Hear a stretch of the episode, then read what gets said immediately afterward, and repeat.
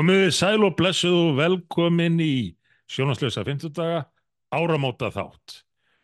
Hér munum við veita verðlaun eins og hefðir orðin fyrir hjá okkur við áramót. Þetta er raunar enn eldri hefð heldur en er í þættinum hjá okkur því að breskir fjölmiðlar gerðu þetta á sínum tíma og hér á Íslandi var þetta innleitt af vefþjóðviljanum svo kallaða Andríki Og nú höfum við tekið við keflinu í sjónaslösum 50 og veitum árlega verðlaun fyrir framistöðu á árunnu sem var að líða.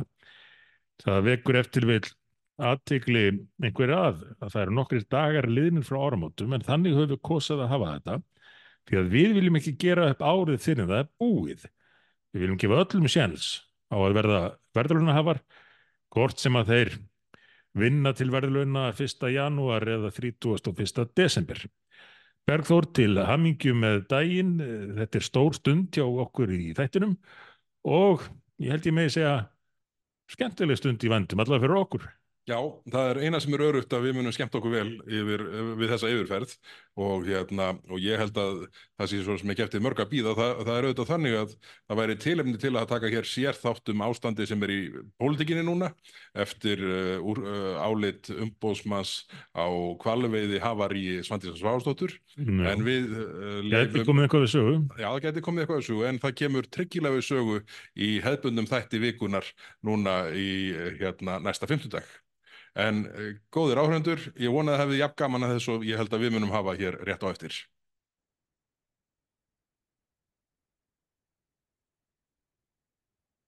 Jæja, Sigmundur Davíð, þá hefst les, uh, byrjar yfirferðin og við ætlum að byrja á framkvæmdamönnum ársins.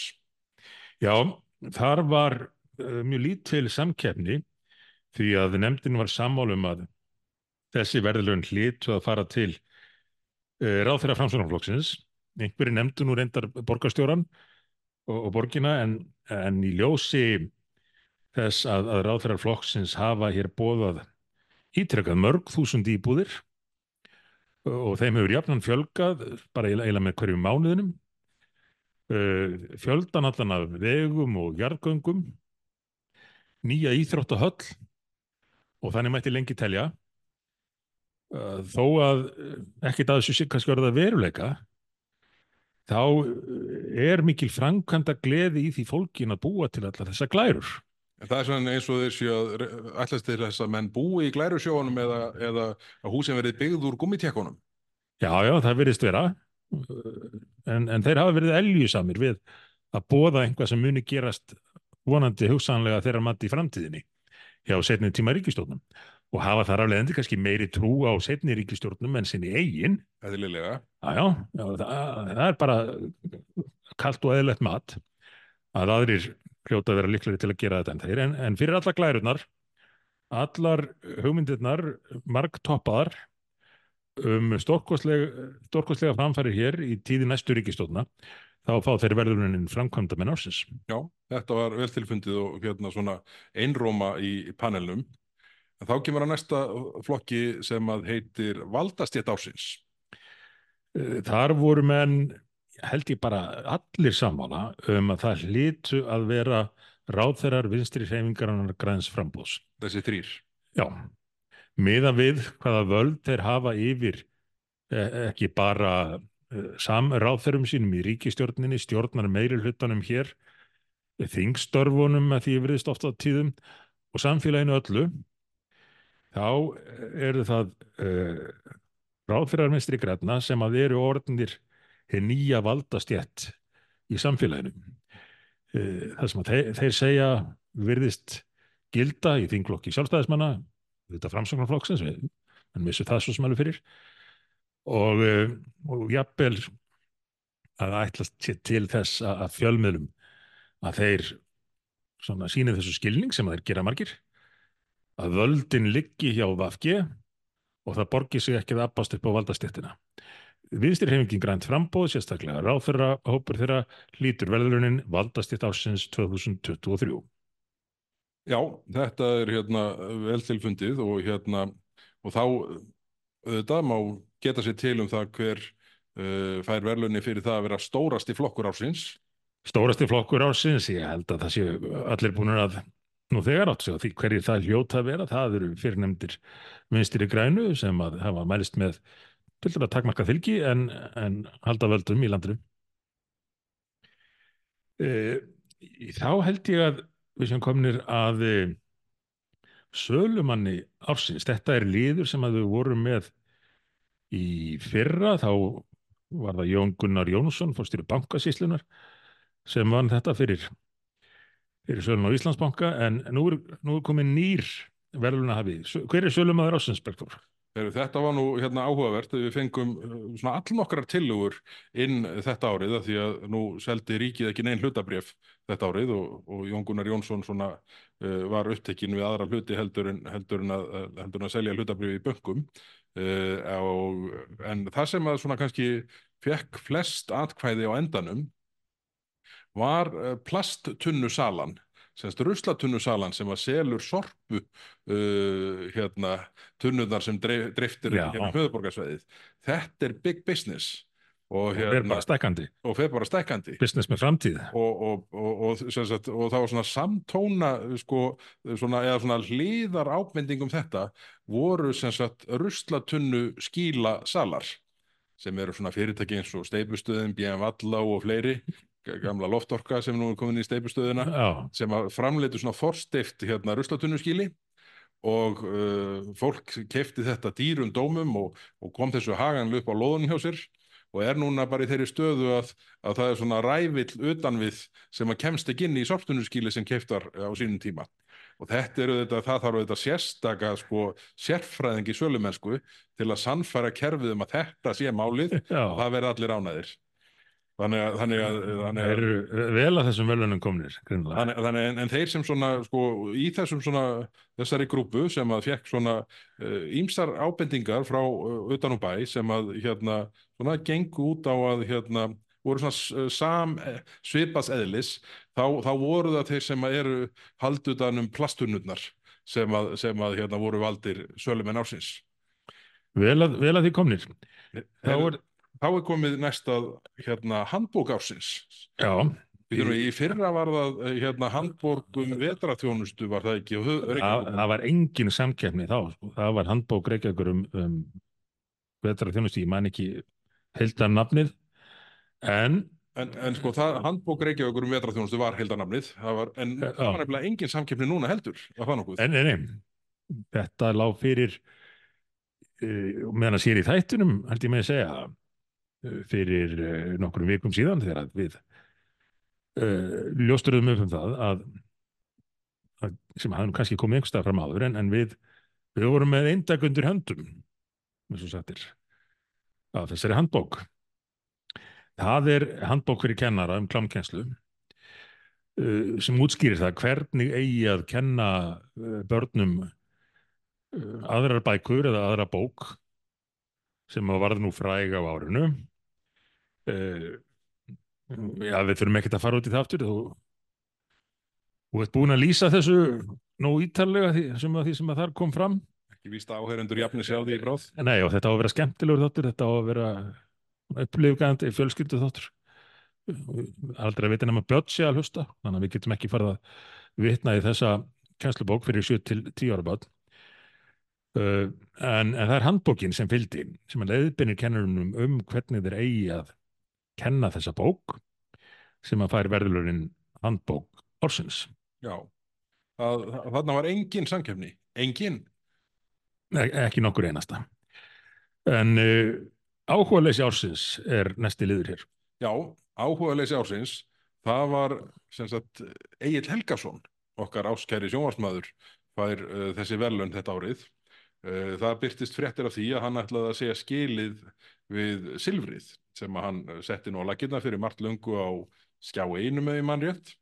En það sem að hérna vakti aðtegli uh, þeirra sem bentu á, á þessa, uh, þetta atriði var að viðtal við hann á vísi.is. Það sem segir og er haft eftir honum, hann kveðst hafa minni áhuga á stjórnmálum nú en áður. Uh, og síðan tveimur línum setna í sömu frétt segir, hann segist nú vinna undirbúningi nýst sjónvastáttar um pólitík. Og þetta var svona þótti þeim sem benti þetta og, og, og var tekið vel í að panelnum að þetta væri augljóst áhuga leysi ársins að, að ætla að hætta að stýra silfrinu vegna áhuga leysi á stjórnmálum en að vinna á sama tíma undirbúningin ís sjónvastáttur um pólitík. Hver veit, næsta ár fær hann kannski velunin áhugi ársins. Já, það er hérna, en það verður áhverð að sjá með, með hvert, uh, hver nýið, nýið þáttur verður formaður Já. því að ekki verður nú hægt að segja að, að pólitísk umfjöllum ríkisútvarsins hafi vaksið af umfangi og gæðum við þessa breytingar. En segðu okkur þá næst, Bergþór, hvert var sparnaðar á ársins? Heyrðu, sparnaðar á ársins, þetta, þetta kom nú upp núna undir lokársins og þetta eru þetta algjört gull en þetta snýru þetta að gengdarlausum hækkunum við uh, sorphyrðu og förkun uh, sérstaklega sveitafélagi hér á höfuborgarsveðinu. Það eru það verið nefnda tölur upp í 40-70% kostnæðarhækkun á tilteknum liðum en Heiðabjörg Hilmisdóttir, formaður samtaka sveitarfélaga, uh, varaformaður samfélkingarnar allavega einhvern tíum púti, stegin í þessu umræðu og sagði við þurfum að vera dugleira flokka, þá lækkar þetta aftur. Og skömmu áður hafði Sorpa í, á samfélagsmiðlum verið að segja fyrir fólki að það þurft að sko flokka plastumbúðir af matvælum sér, semst ekki með öðrum plastumbúðum. Mm. Það var vantilega sama við um brefumbúðir. Þannig að maður spyr sig, er þá tunnanúmer þá fjögur og fimm á leiðinni heim til okkar? Þannig að ég segi bara við steipustöðun og býðan valla og bara hold your horses, ekki byrja að steipa, steipa nýja gerð. Þannig að þetta tengist aðeins velurunum sem við nefndum áðan, sölumæður ásins, að, að þeir selja og selja tunnur og póka og allt þetta. Þetta er bara dóttir. orðið eins og loftlagsmálinn, þetta er bara business. Já, já, einhvers konar undarleg, mjög undarleg ringráðs í þessu. Eh, Það var eitthvað ágætt atriði um þetta í áramáttasköpunu.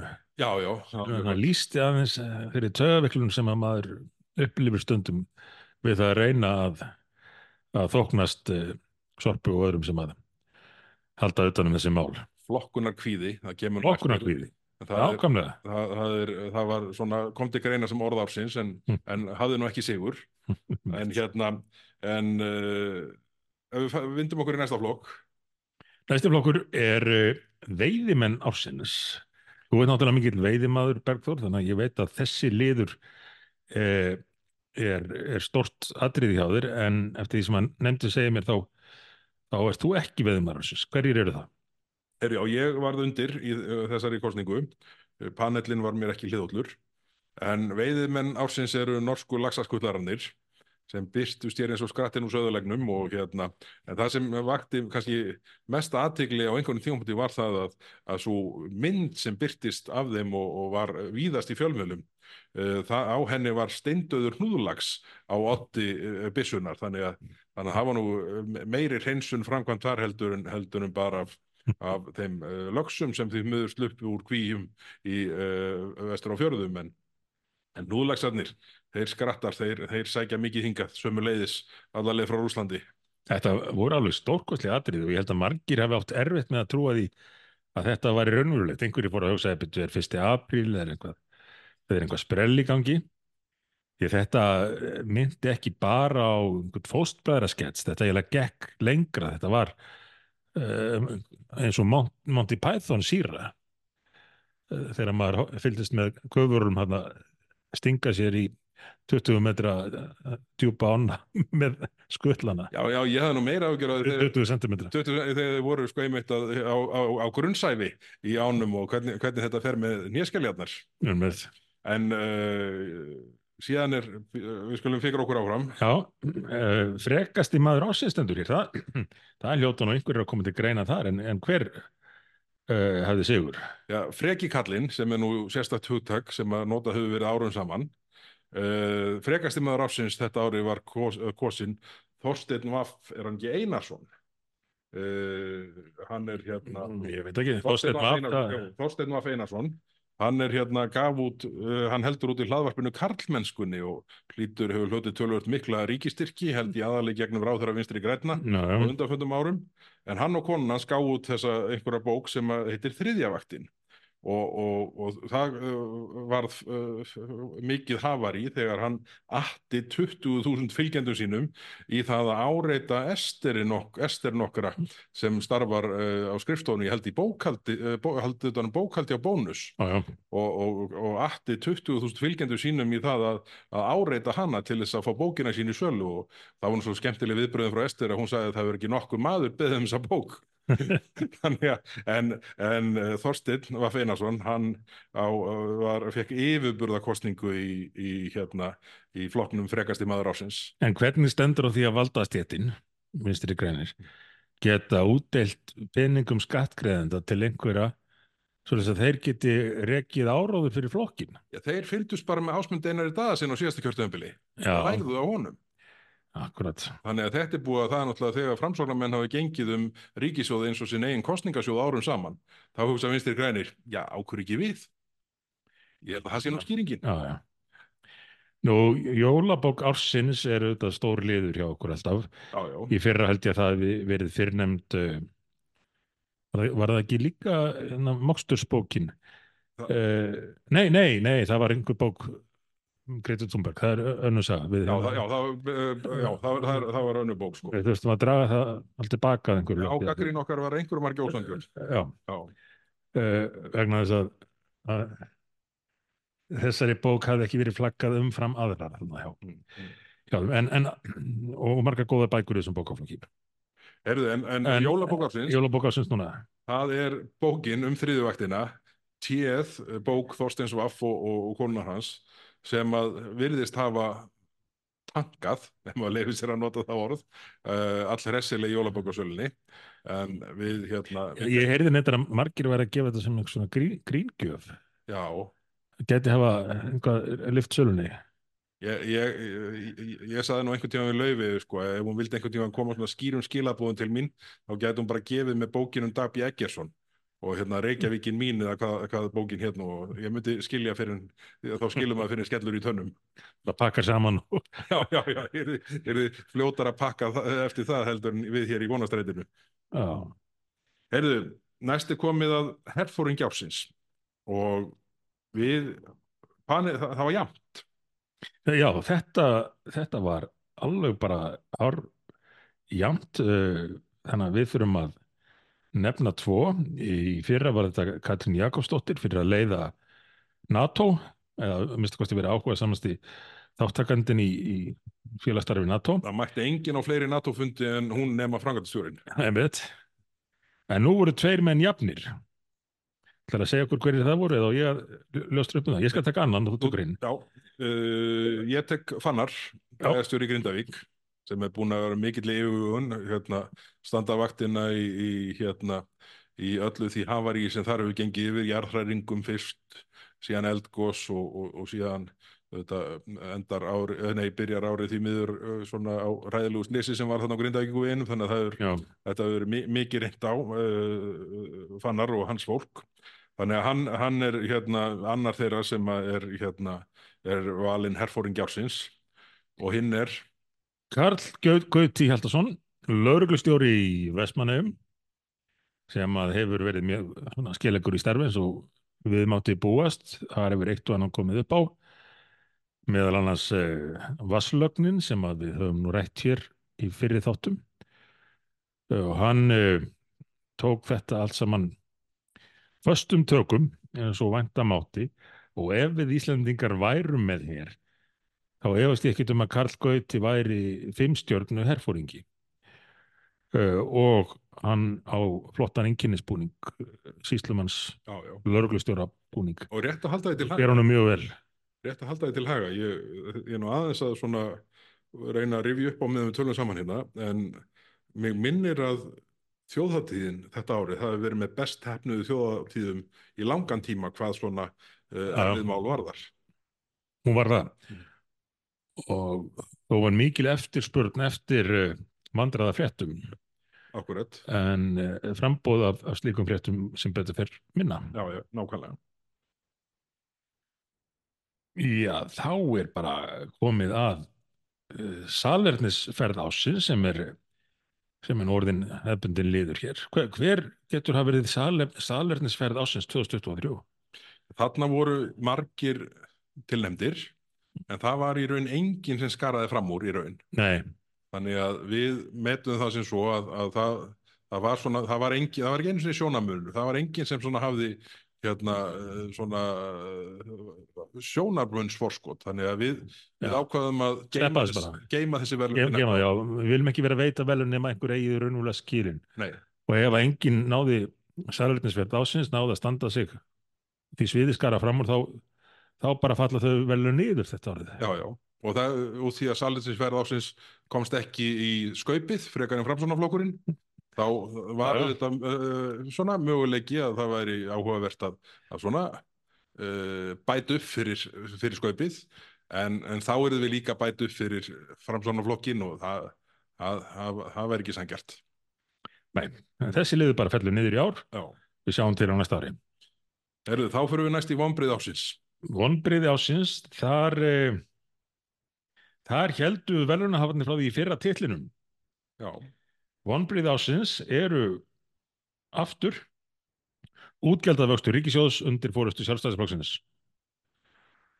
Og þetta var afgerandi. Uh, og uh, þannig þannig tengjast þessi tve- tveir liðir út á, út á má segja ákveðna stefnufestu eða stöðuleika í, í formi sívaksandi útgjalda sem að sem halda áfram að slá met. Já. Og þetta er sko núna var það uh, að, að- því menn hafa reynt að afsaka sig með sko að það hérna, sé svo mikill vöxtur í samfélagin og fjölgun að það hérna að, að, að það verða að horfa til, horfa til þeirra þátta. En málið er að útgjaldavöxturinn er umtalsvert umfram umfram uh, hérna það sem hérna vísitölur kalla fram Já, já, fyrir utan það að fjölgunin í samfélaginu er nánast engöngu erlendir ríkisborgarar. en þetta, þessi vonbrið ásins fær okkur yfir í næsta flokk sem er kenning ásins Já. Uh, ég held að að Nobels nefndin hafi hlotið að velta þessu eitthvað fyrir sér eða hvað hún heitir nefndin sem að veitir þessu svo kalluðu Nobelsverðlun í hagfræði.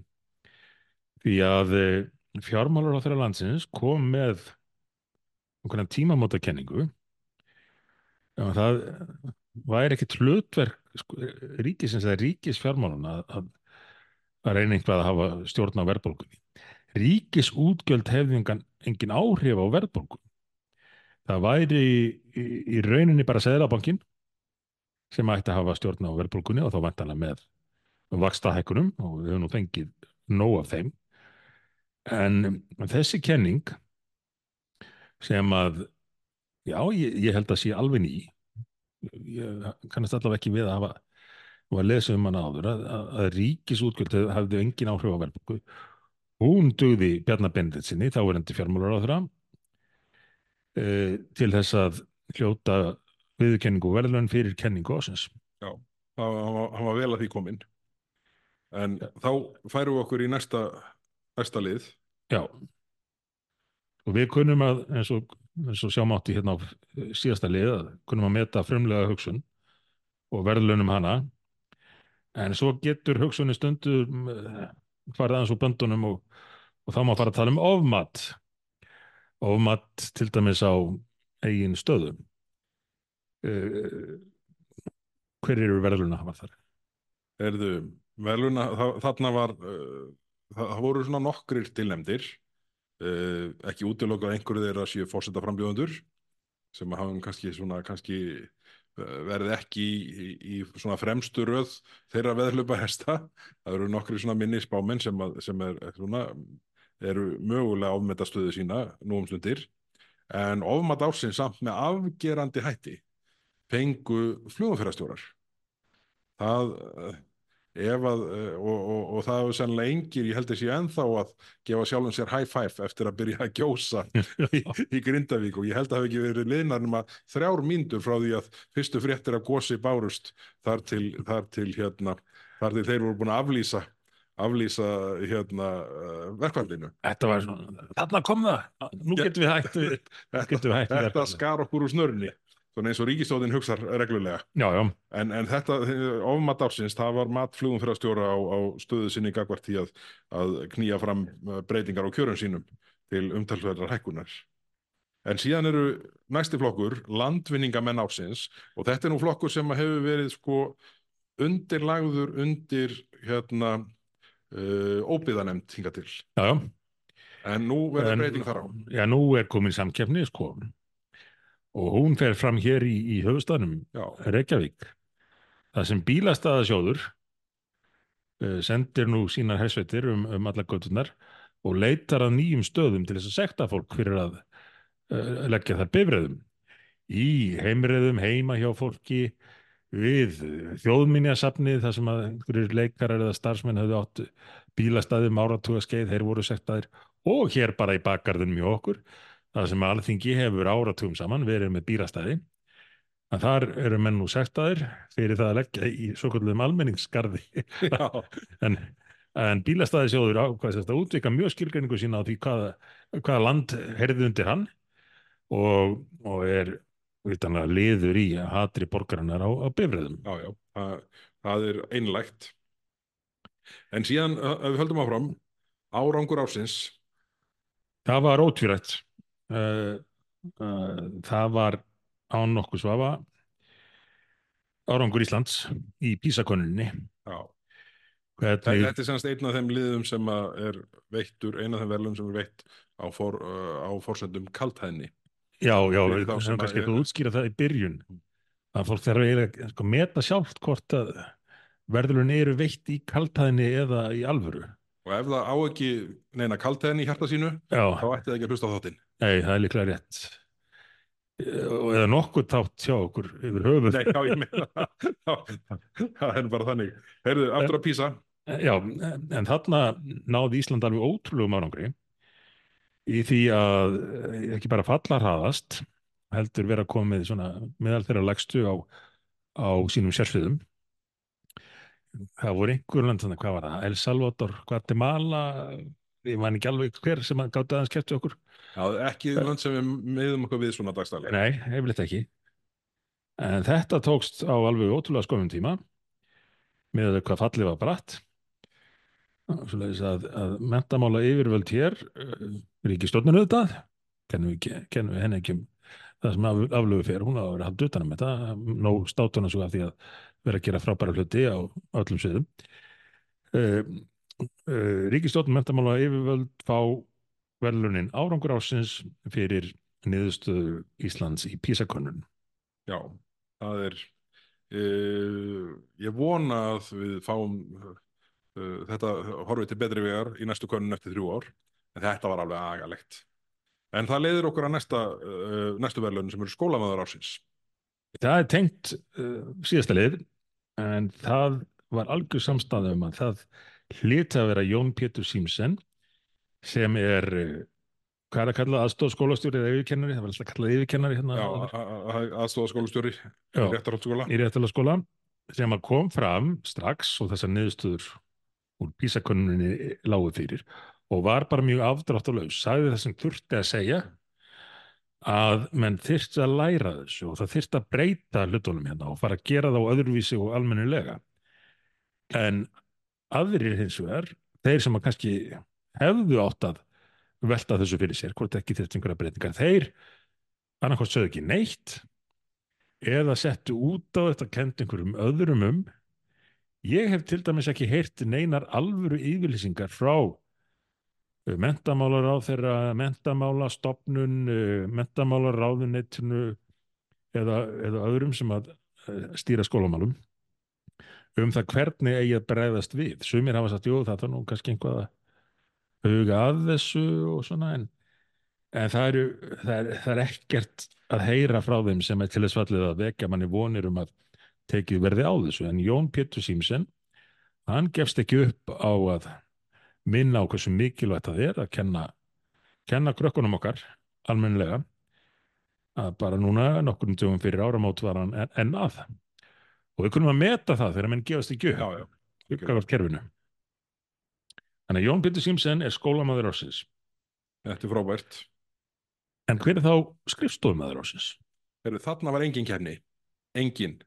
Að, ok, ég viðkenna, það voru tveir tilnefndir aðrir en svo sem fjekk tilnefningaðar allar hér um bil. Mm. Og það var hún Ester í bónus sem að hafnaði því að taka hérna, þriðjuvaktina, jafnbreytis handbók heimilisins í, eh, til sölu í bónus og fekk yfir þessi þess að skæðadrífu áreitis frá Þorsteini Vaff, frekasti mann Íslands og, og hún er hér með valin skrifstofumar ásins og, og hún har hróskili fyrir að, hérna, að svona standi í lappirnar og, og segja hlutin eins og þeir eru. Því að, því að flestir hefðu nú bara lippast niður þegar einhver samfélagsmiðla stjarnar með 20.000 fylgjeldur uh, Sendir þú alla alla uh, til að ráðast á þig. Já, en hún stóð bara keik og sagði bara heyrðu það hefur bara ekki nokkur maður beðið um þessa bók. Þangað til herinn mætti. Endur menn farnir að tala um hana sem fósetta frambjóðanda. já, Hún, hún var nú tilnefnd sem maður ársins á höldi fleirin einum fjölmili. já, réttilega sko ég, ég, held að, sko, nú, nú þekki ég Ester ekki en, en þetta er greinlega alvöru kona Já, já. Og það er ekki tætt að útiloka neitt með fósetta frambóð því að fósettakostningar veðast nú stundum vera orðan svolítið eins og kostningum maður ársins sem oft á tíðum með kostningum já, maður desember, november mánuðar. Það er svo sem að var svona síðast í, í fréttum í fréttónum. já, já, já, uh, Aldhafni ársins. Þá komum við aftur að þessu orði sem að sem að vonandi fólk sem flestir ennþá skilja þó að þessi ekki alveg vist en, en hver fær þá verðlaunin fyrir kaldhæðni ársins?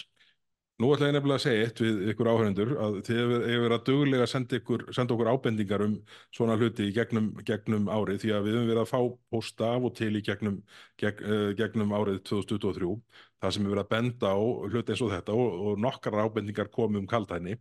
En það var eitt sem að stál senunni og við erum aðeins að svindla Hmm. því að þetta er var, uh, bara þetta atrið hafði slíka yfirburði yfir aðra, aðra ábendingar sem komu að þetta kom nú upp núna 5.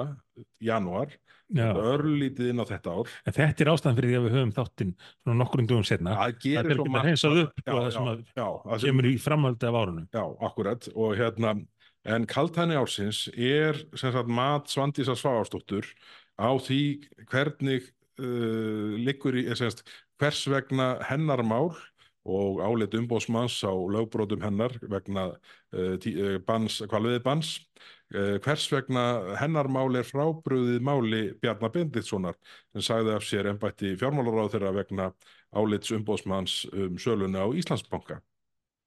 Og hver var nú átskýringin uh, Svandi sagði mér brast ekki hæfi. Ég sem sagt var hæf til að taka þessar ólögmætu ákvarðanir sem ég tók. Og býtur brast ekki hæfi til hvers þá? Að brjóta lög? Já, hún virðist telja það og er nú með ákveðum fyrir að baki í þeim öfnum já, já, að telja í- sig hæfa til að brjóta lög. Já, hún hefur gert, gert það ítrekað og fengið á sig hæstari það dóm og ég veit ekki hvað. En, en það að, að nota þetta sem uh, rök í málinu uh, síndi alveg sérstaka svona, svona sér útgáfu af kaltæðinni sem, að, sem fæstir hafa séð í langan tíma og, og, og ég held einhvern veginn að þetta alveg á nokkur svá trompi ábendingarna sem við höfum fengið í gegnum árið sem að Já, reglulega komu upp og væri nú gaman svona kannski að, taka snúning á bara í gegnum hérna einhvern svona almennan þátt á næstunni bara svona því að það voru svo margar, margar skemmtilega slíka sem komu. En, en Svandís fær, fær, fær þetta þennan titil núna þetta árið kaltæðni ársins það er fyrir að, að segja sjálf, sjálfu ekki skorta hæfi til að brjóta lög. Sko það var mjög kaldæðnislegt að hún skildi segja þetta því margt hún vann velunin en ég er hins vegar ekkit vissum að hún hafi meint þetta kaldæðnislega. Ekki möguleiki Nei. það, það er kannski það sem gerir þetta uh, svo litið óhugnalegt en um Mhm. leið svo litið galið og fyndið. En, en, en, en hún, er, hún er vel að þessari vondu viðurkenningu komin.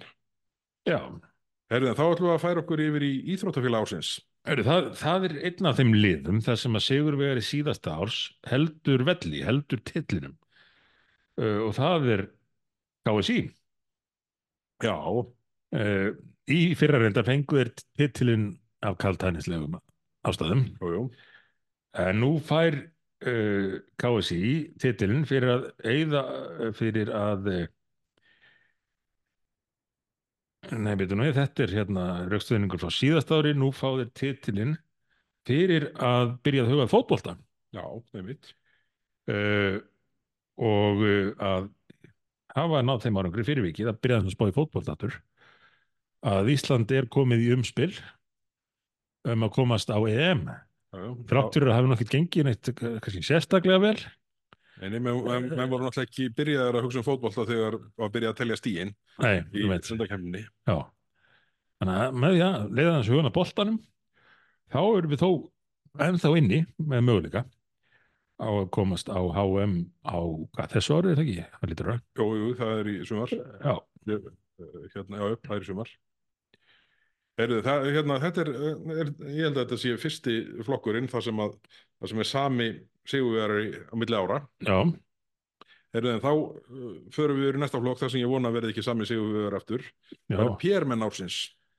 já við skulum hafa það bara stutt er eitt af þessum viðkvæmu atriðum en menn voru þó sammála um það í panelum að, að það hlýtt að vera hriðiverka samtök þetta árið, hriðiverka samtökin Hamas sem að fóru beint úr því að fremja einhver svakalegustu hriðiverk að setni tíma sögu í það að verða sama dag eða daginn eftir fréttarittarar uh, vestræðna fjölmiðla Og hérna Já. verðum við að skilja á milli sko hriðverkarsamtakana Hamas og palnetsinsiku þjóðara. Já, já, það þarf alltaf að taka þetta fram sko, ég, maður hefði nú haldið að flestir myndu gera þennan greinamun en það, það er vissar að hafa það hreinu uh, og, og maður veltir þessu oft fyrir sér með fjölmjöluna geta þeir ekki geta þeir ekki gert meira því að, að grænslast fyrir um hluti sjálfur sérstaklega finnst mér þetta vera orðið vandamál í erlendum fréttum þar sem að fjölmiðlar jafnvel með allan heim bara þýða skeiti frá fréttastofum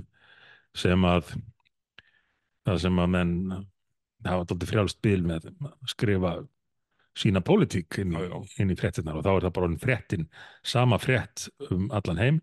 En þarna sem sagt þá, þá náðu þessi samtök að toppa um, fréttastofunar eða, eða AP og Reuters og allt þetta og bara taka að sér að veita fjölmunum heimsins upplýsingar um gangmála uh, sem að er nú kannski svona draumur Pér mannsins ímyndaði mér að geta bara skrifað fréttinar fyrir fyrir fjölmiðluna Já, já, það, það er nú málið. Herðu, við skulum halda áfram. Það er, uh, næst er það ringrásarhækkerfi ársins. Já, þetta var heilbriðiskerfið í fyrra og, og þar heldur nú bara ringar á sinna áfram, sjúklingar eru sendir frá einni stofnun á aðra og svo ringast í ring og byrlistarnir lengjast. En engoða síður þá kom hér nýr keppandi sem náði að toppa heilbriðiskerfið og það er á mentasviðinu Ringrásar hagkerfi ásins uh, þau velun fara til mentamála ráðunettisins fyrir endur skipulagningu mentamálastofnunar. Mentamálastofnun 2.0. Já, eins og menn kannski þekkja þá eru búin að vera einhver vandræði þar á bæ og áður nefndu við hér písakönnunina. En lausnin kom í formi þess að leggja stofnunina niður og stofnana svo aftur með e, nýju og óljósara nafni og óljósara hlutverki. Já, já, algjörlega magnað. Samvinnum aður ársins er liður sem að var kynntur hér í fyrra, þá hlaut verðlunin innviðar á þeirra fyrir að setja lög um að leggja niður, já, svo gott sem, eitt af þeirna fáum samvinnufélögum sem eftir voru. En hver hlýtur verðlunin í ár, Berþór? Eru samvinnumæður ársins þetta árið er Sigur Ingi Jóhansson formaður Framsunaflokksins og það sem tryggir honum titilin þetta árið eru svo kvöldu samvinnuverkefni í vegagerð PPP-verkefni uh, sem var sérstök löggjöf samþyktum uh, fyrir nokkrum árum síðan. Og uh, það sem hún innifelur er viðbótar gjaldtaka semst, semst, verkefni sem á fjármagna með sérstakri gjaldtöku. Og það væri svo sem sök sér ef, ef eitthvað sko drægi úr gjaldtöku annar staðar á móti en það sem uh, innviðar á þeirra núna virðist tala fyrir núna er að það verið svona, svona þrefalt stuðmannahopp í gjaldtöku ofan og almennu gjaldtökuna sem að Bjarni Bendis svona núna Þórdís Kolbrún halda á. Það verið uh, uh, gjaldtaka vegna þessara samvinnuverkefna. Það verið gjaldtaka í öllum göngum Hmm. gömlum og nýjum á Íslandi og síðan verði lögð á sérstök tafagjöld vegna samgöngusáttmála höfuborgarsvæðisins. Ja, maður fær hroll Og þe- þetta er, þe- þetta er uh, eins og þetta lítur út núna, þá er þetta allt saman bara viðbót við það sem fyrir er. Já, já. En þessi verkefni þó, þessi upprunalegu þannig, Samvinnuverkefnin. Köllu voru samvinnuverkefni, kannski takmarka skilningur þá á því orðin, en þau eru vantan að komin á fullan skriða. Nei, nei, nei, nei, nei. Við, Já. að, samvinna náði ekki svo langt. Já, Þannig að, þannig að þau eru högta hér og þar í kerfinu og, og, og nú við uh, hérna, þannig að þau hafa gengið mjög illa og, og, allt er snýra samvinnu hefur verið upp í loft. Þannig að, þannig að svona, aftur svo við útskýrum að það er ekki útilokað að svona kaldhæðni sé undirótt þessara, þessara verðlauna uh, öfugt við ími sönnur sem eru veittir í kvöld. En samvinnumöður ásins er sem sagt Sigur Ingi Jóhansson formaða framsóknarflokksins. En Nei, síðan tekum já. við orkubolti ásins. orkuboltinn. Uh, þetta er nýr liður, það eru ímsi nýr liður hérna, sumir halda sér og aðrir dett út og svo koma nýr, en það var talið fullt tilefni til þess að tilnefna sérstakann orkubolta þetta árið og það er auðvitað loslasráðurann, orku og loslasráðurann sem að eh, ekki aðeins uh, vil banna rannsóknir og minnslu á olju og gasi í íslenskri uh, lögsugu, heldur uh, hefur nú talað mikið fyrir orkuskiptum, hann hefur talað mikið um það sem hann kallar fyrstu og önnur orkus- orkuskiptin. En uh, finnur enga orku til að ráðast í orkuskiptin. Hvað þá orku til þess að búa til eitthvað nýtt og til nýverðmæti og ég held að hann hljóti nú að eiga skilin skilið að fá einhvern svona gullskjöld eða gullúr eða einhvers konar verðlun frá, frá uh, valdastéttinni vinstri grænum Það er ekki útilokað að fái slík hér á eftir. já, ekki útilokað Erðu endur koma ársins? Endurkoma ársins er já, liður til heiðurs hemma Gunn. Þetta var auðvitað umdelt atriði. En hemmi Gunn, hinn ástsæli sjónvarps og íþróttamaður, byrtist uh, uh, í ármætsköpunu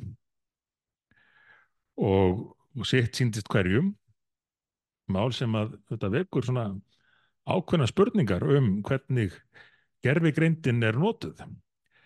En hvað sem því líður og hans að ég ætla að skera úr um það hvað, hvað eigi til framtíðar að teljast eðlilegt í þessu þá, þá var það sannarlega óvænt og merkilegt að sjá hemma Gunn eða já gerfi greindina í, í formi hemma Gunn byrtast aftur á, á skjánum Já, já, alveg klart. Það það var það og hérna mörgum svo sem brugðið en, en hérna en þetta, var, þetta var líka mörgum þótti þetta svona uh, er einhverjum ekki notalegt að sjá þessa Já, já. uh, hérna, þessa gömlu hvað er þetta að segja hérna þennan gamla vín þjóðarinnar á skjánum. já, já. Herðum, þá færum við okkur áfram og aftur að, að gull, arma, uh, gullúrinu. Það eru heiðursverlun Gretu Thunberg. Herri, já, þetta eru sérstök heiðisvelun Greitu Thunberg sem ég held að hafi vegna 20 ára ammali uh, núna nýverið og ég er ekki vissum Er að hún orðin 20 ára? Já, allavega það. Já, já, já. Það er 21 ás held ég, jafnvel. Uh, en, en ég veit ekki hvort hún er ennþá byrjað að mæti skólan aftur. En, en enga síður, hún hefur vakið mikla aðtegli og því uh, taldi panelinn fullt tilefni til þess að, að búa til sérstök heiðusvelun í hennar nafni. Ég veit reyndar ekki hva, hvaða verðluna grip menn sáu fyrir sér uh, í þessum flokki. Það var verið að tala um svona gullslegin ónotaðan flugmiða síðan hún sildi hérna með miklum tilkostnaði til New York forðum. Akkurat, og það getur komið sér vel fyrir verðlunahafan. Því það er engin annar en, aftur, loslasráðferðan okkar, Orkuboltinn sjálfur. Orkuboltinn, sem er komið með tvö verðlun hér í, tvenn verðlun hér í, í Serpin og, uh, og þarna líka var, var lítil samkefni. Því að hann hefur farið mikinn hér í uh, umræðum, í þingsal og og annar staðar um, um uh, yfirvofandi heimsendi og mikilvægi þess að við látum til okkar taka. til að koma í veg fyrir hann og fylgja með Európa-sambandiru í þessum, þessum lafslagsmálum. Og uh, ég er alveg vissum að, að Greta, ef hún hefur fylgst með, og þetta vitum við ekki, henni bara verðum að gera ráð fyrir því að það getur verið að hún, hún hefði engar efasemtir um, um þessa verðiluna afhendingu í hennar nafni. Nei, nei, það, hún væri ána með sinn mann. Herðin, þá færum við okkur yfir í lið sem að hérna er alls ekki undir orpin, einni kalt henni. Nei, við verðum að vona að hlustendur svona fari að geta greint á milli. það er, en- er þraut segi ársins. Já. Og þar var, var náttúrulega bara 100% samstæða og aldeilis viðegandi, það eru grindvíkingar.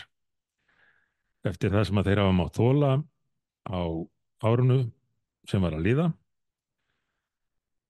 og færði í gegnum það allt saman með, með samstöðu og, og bara, já, þraut segju.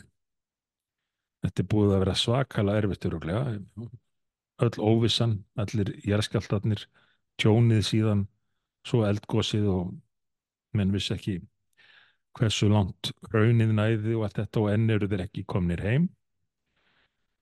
Þess að það var nú talið algjörlega ótvírætt að ef þetta verðurlega einhvern fyrir þraut segju þá þýtti enga kaltæni því því að eh, grindvíkingar uh, ættu skilið að fá virðing okkar allaf fyrir, fyrir framistöðu sína á liðinu ári. Þetta er vel til fundið. Herðu en þá uh, uh, tengt, nátengt raunar, ætlum að færa, yfir í, færa okkur yfir í spáminn ársins.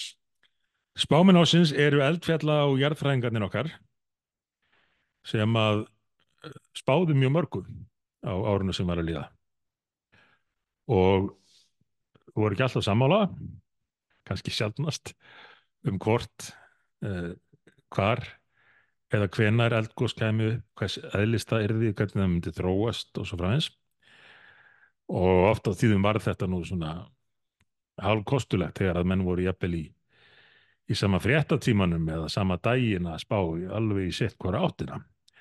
En landsmenn höfðu gaman af þessu og við gerum ekkert lítið úr því að, að þessi sérfræðingar auðvitað skipta okkur miklu máli, þess að hafa allir áhuga á því að þeirra hvað þeir hafa að segja Já, já. og Það er að hefur, gera sitt besta.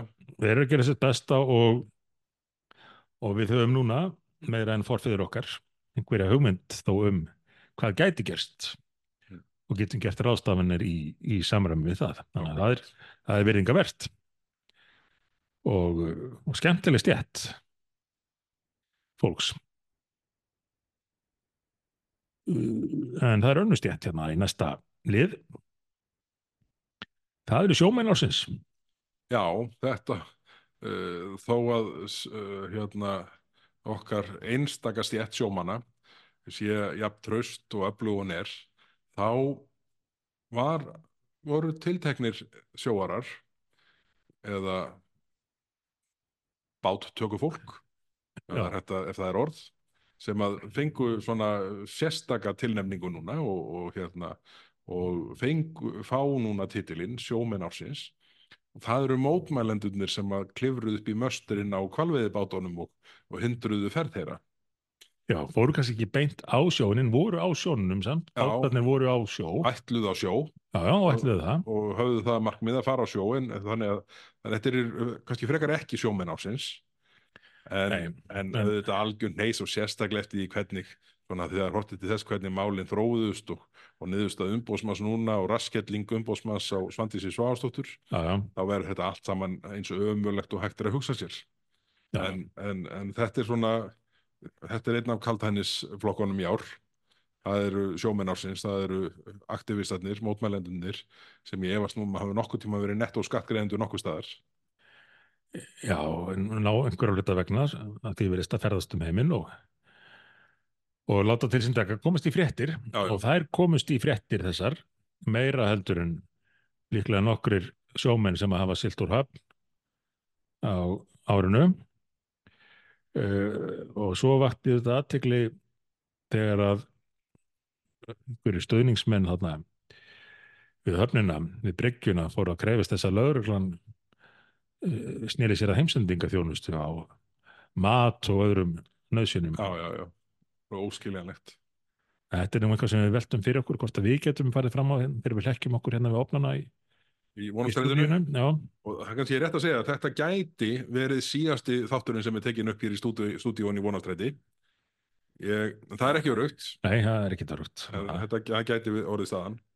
En færum okkur í næsta hérna, þátt sem er miklu bjartar yfir, nætti, nætti flokkur. Þetta er flokkur sem að verðluna fyrir í fyrra líka. Það er Vínir ársins, Já, fallegur titill, já og þetta, falleg velun. og, það- og það er svona skapað svo hefð að, að vinir ásins séu valdir innan úr hópi frá ráþæraborðinu Það hefur viljað þannig til. ráþærabekknum og vinir ásins þetta ár eru sem sagt háskólaráþæra annars vegar og, og matvælaráþæra hins vegar, Áslu Arna og Svandi Svavastóttur það þetta blasir við öllum að það er kært þeirra á milli Já. og, og, og, og engin ástæð til að ætla annað en að svo verði áfram. Þetta er síndi ást sína á matvælaráþurinn á myndrannan hátt. Já, því ég meina menn eh, varp ekki mynd af einhverjum upp á vegg öðruvís en að þykja svona telja sig vera sína hlýju. Já, og, og Svandís móttók þetta og, og taldi þetta sé til mikils vegsöka já, þannig að vinir ásins Áslu Arna og Svandís Svástóttur Best Friends Forever. Í fyrra voru það eh, Jón Gunnarsson held ég, sem það voru dómsmálaráþurra já, og félagsmálaráþurra, Guðmundur Ingi. já, sem voru alveg eins og hundur og köttur eh, hérna í tengslum við útlendingamálin. Þannig að þetta helst allt innan ríkistjórnar. það er ekki útilokað að, að félagsmálar á þar hann komið við sögu hér á eftir en þá fyrir við í hátíð ásins og það voru ekki fiskidagurinn mikli eða, danskir dagar eða, eða ískir eða neitt þess að þar þetta var ekki útiháttíð þetta árið, þetta var inniháttíð að mestu leiti. Evrópuháttíðin mikla í Hörpu sem að ég held að séu nú ennþá að telja saman reikningana fyrir. raun kostnaðurinn verður svona 3-5 miljardar Já. En uh, þetta vakti gríðarlega aðtegli og, og spenning að hinga til lands var að koma erlend mektarmenni. Engin, engir voru þó eins spenntir held ég eins og fósettisráþurinn og utarikisráþurinn á þeim tíma sem að eh, fóru mikinn í tengslum við þetta og, og ekki leindi sér á myndum úr hörpu að hversu, hversu gaman þetta væri að vera komin með allt þetta uh, alþjóða fólk, það Evrópu fólk hingað til landsins og þetta hafði nú eitt og annað í för með sér sem kom kannski inn á í, í setni lið hér en, en það var í raun engin samkeppni um þetta áhugi fjölmiðla á málunum var slíkur að að ég efast um að nokkuð mál nema auðvitað eldgós hafi komist í hálfkvæsti við það. Jú, hugsanlega sjómennir okkar, það er þarna konurnar í tunnunum, það er fengu talsverðið aðtekli. já, já, En þessi mikla Európa-háttíð, uh, hún, uh, hún fekk vakti gríðalega aðtekli á Íslandi. En það var nú mikið leitun og fréttum Erlendis. Um, Fa- fannst einhver frétt Ég sá einhverja frétt, ég held að það hefði verið á BBC uh, og eina til viðbótar á einhverjum erlendu fjölmiðli, en það held ég að fjallað um að að Súnak fórsettir á það Bretlands já, hefði var, fengið að, að vekja máls á því sem hann langaði að ræða nei, nei, sem voru hælisleitindamálin. algjört neyksluð þetta að neyta svona um, að tæpa þeim málum Já, já, þetta er ekki stráþarinn þáverandi fór í viðtal við BBC og útskýrið það að honum er nú ekkert ágengt með þe- þessi, þessar óskýr sínar. Þessi ráðstefna væri um eitthvað allt annað en hælisleitundamál. Þannig að hann fór bara heim. Ég held að hann hef ekki mætt í kvöldverðinu sinni. nei, nei, Uh, leðis að hvað kom út úr þessari, þessari ráðstefnu? Kannski fá einhvern tíma skýslu um það. En það er ekki vitað eins og sækki standa nú við áramót. nei, nei, nei, mitt Herðu, en uh, rétt eins og fréttir af hérna, þessar Evrópaháttíð fóru svona uh, fáar og, og þær fóru látt erlendis þá er næsti flokkur er Huldumæður Ársins. Og í fyrra var Huldumæður Ársins borgarstjórn í Reykjavík. Já, Hver er huldumæður ársins í ár? Já, þetta er náttúrulega titill eða verðlaun sem er erfitt fyrir nefndina að, að vinna í, úr, að því að eðlumál samkvæmt er huldumadur einhver sem hefur farið huldu höfði. Mm. Uh, og þá þarf að meta það hver, Það, það, það þarf svona leiðin til að kveikja á því hver gæti verið ársins já, er ef það er raunverulega verið að leita viðkomandi. já, einmitt. og það var mikið leitað vegna ímissa mála sem uppkomu uh, það sem að þessi tildegni aðili var nú kannski sá sem að hefði átt að svara fyrir þau og útskýra en fannst aldrei og þess vegna myndu menn eftir honum af því hann fannst ekki þegar að áreindi og ákvaðu, an, ákvaðu annað árið í röð að verðluna borgarstjórun í Reykjavík sem huldumann ársins. Já. En þá fyrir við beint yfir næstu verðlun sem eru auka dagur ársins. Já, aukadagur. Uh, flest viljum við auðvitað ná aukadögum, tíminn liður svo rætt, en hér er greinlega ekki verið að vísa í, í daga í þeim skilningi og, og, og framráðs tímans. Því að auka dagur ársins er Einar Þorstensson í Reykjavík. Já, það, það þykir mjög velstu fundið.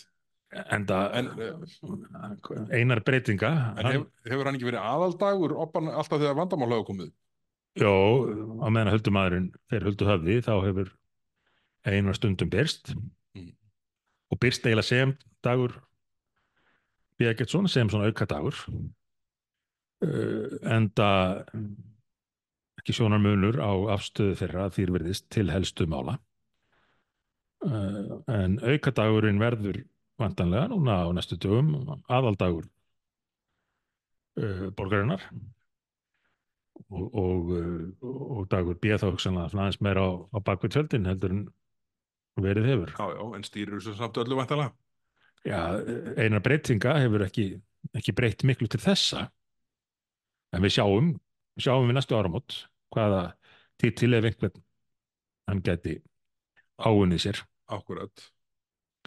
En uh, hver var vinnuveitandi ársins Bergvar? Heyrðu, þetta er nú svona, hérna, svona, svona þetta árið svona þakkarflokkur. Nú eru fyrirtæki landsins búin að hérna, eiga við það undanferðin ár, hafa þurft að glíma við heimsfaraldur, endalusa jarðhræðingar og alltaf standa sína plikt og standa undir fleiri og fleiri herra hlutvalli opinbera starfsmanna heldur en áður við verið og, og borgar umverulega þetta kerfi, velferðarkerfin okkar öll og þetta er svona takk fyrir okkur flokkur þetta árið þar sem við þökkum fyrirtækjum landsins fyrir að, fyrir að standa í lappirnar og, og keira hagkerfið áfram. Já, við erfiðar aðstæður. Það er ekki eins og ekki eins og stjórnvöld sé að gera þeim lífið mikið auðveldara þessum eh, verðmæta sköpundum eh, samfélagsins. Akkurat, akkurat. En, uh, En talandi um fyrirtæki sem að reka sig í erfiðu umhverfi, þá ætlum við að fara næst yfir í ork, orkuskipti ársins.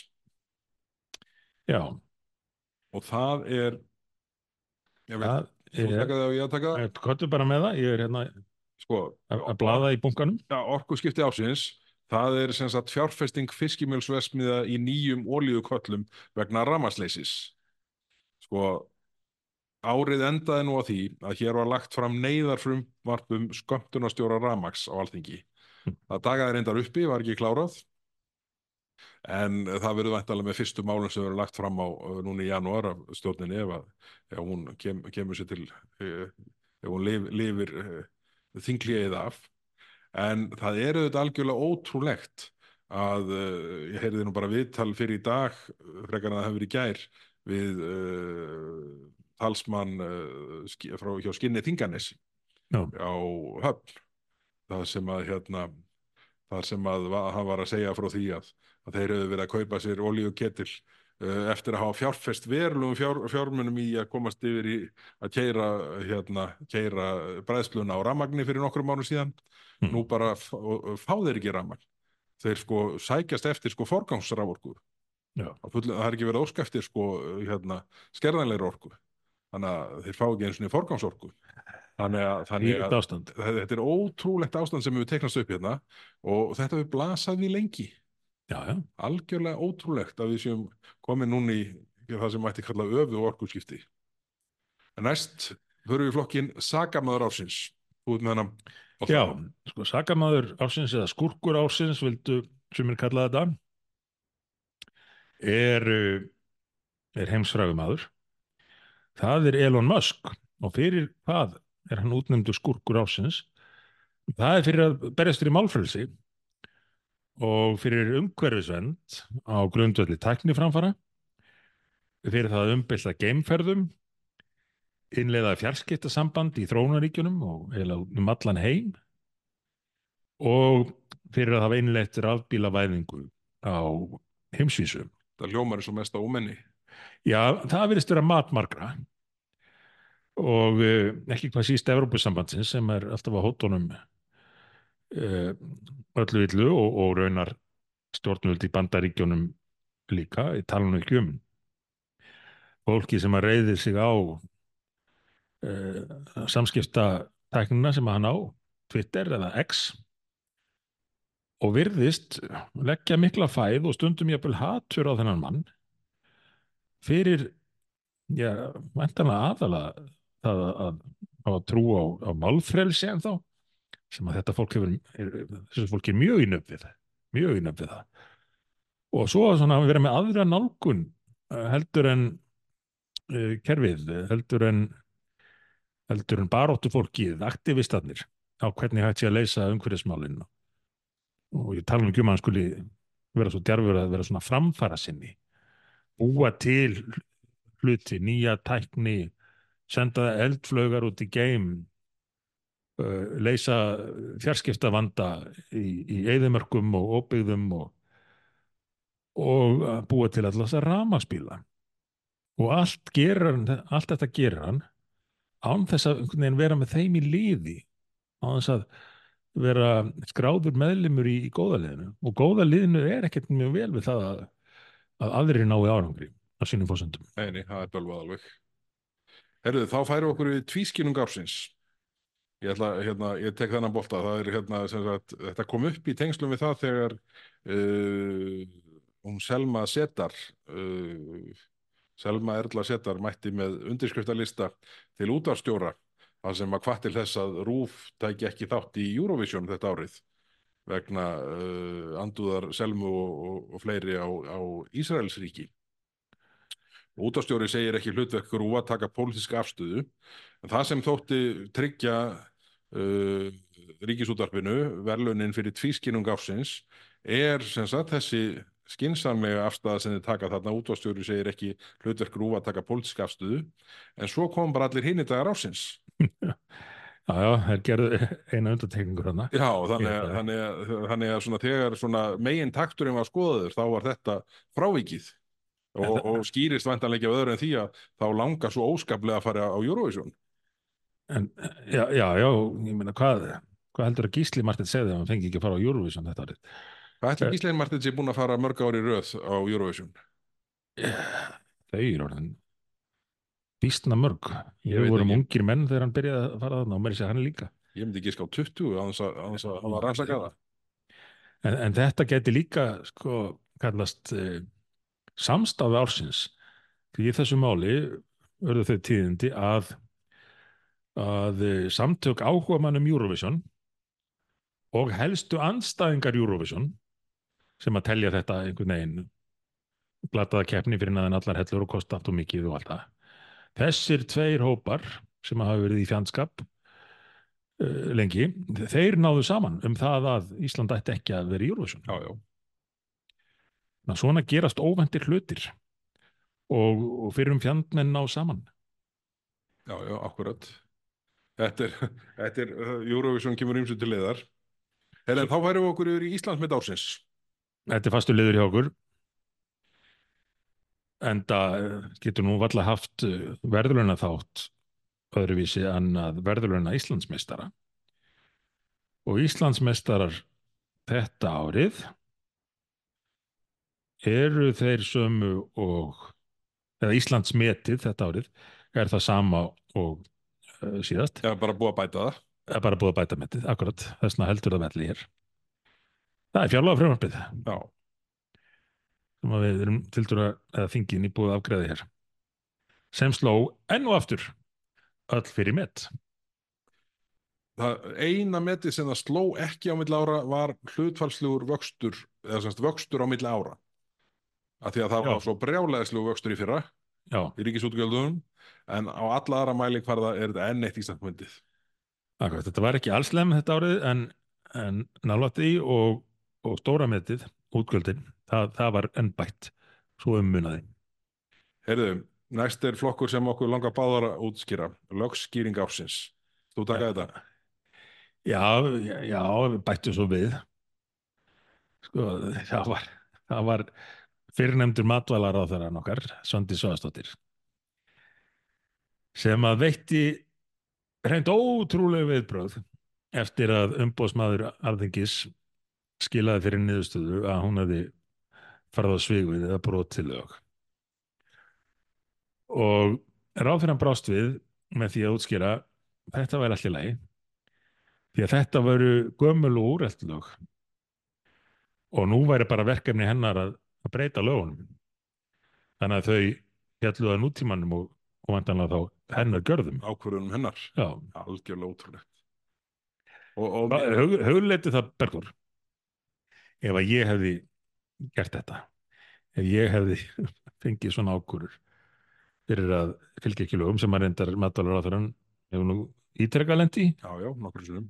en ég hefði komið og sagt ég ætla bara ekki að taka neitt marka á þessu eða, eða, þetta varða mjög lítis að því að lögin eru úreld og gömul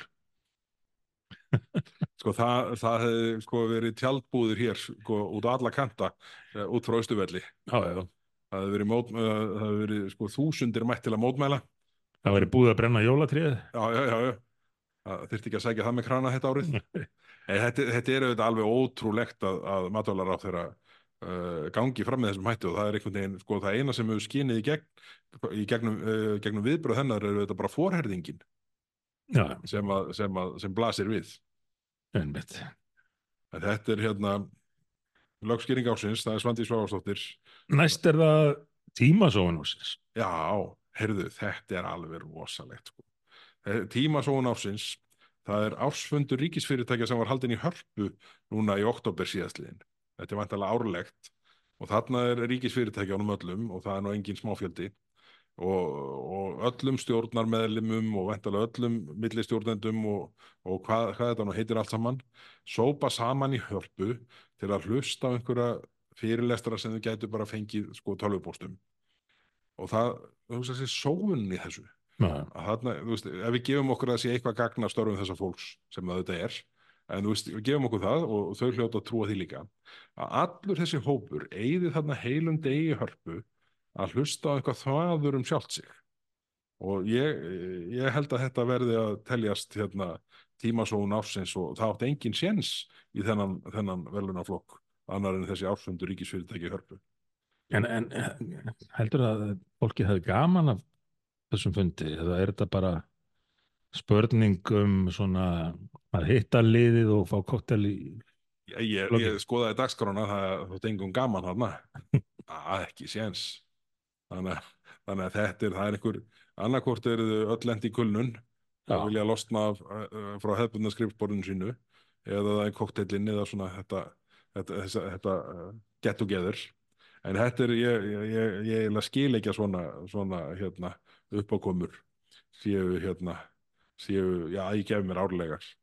Því að sko eitt svona dagur og það verður einhver undirbúningur í þetta auðvitað, og það er hundi góðunum en flestir auðvitað bara mæta þarna og, og, og mér er til efs að þetta seti mikil skags fyrir neitt sem þannig er.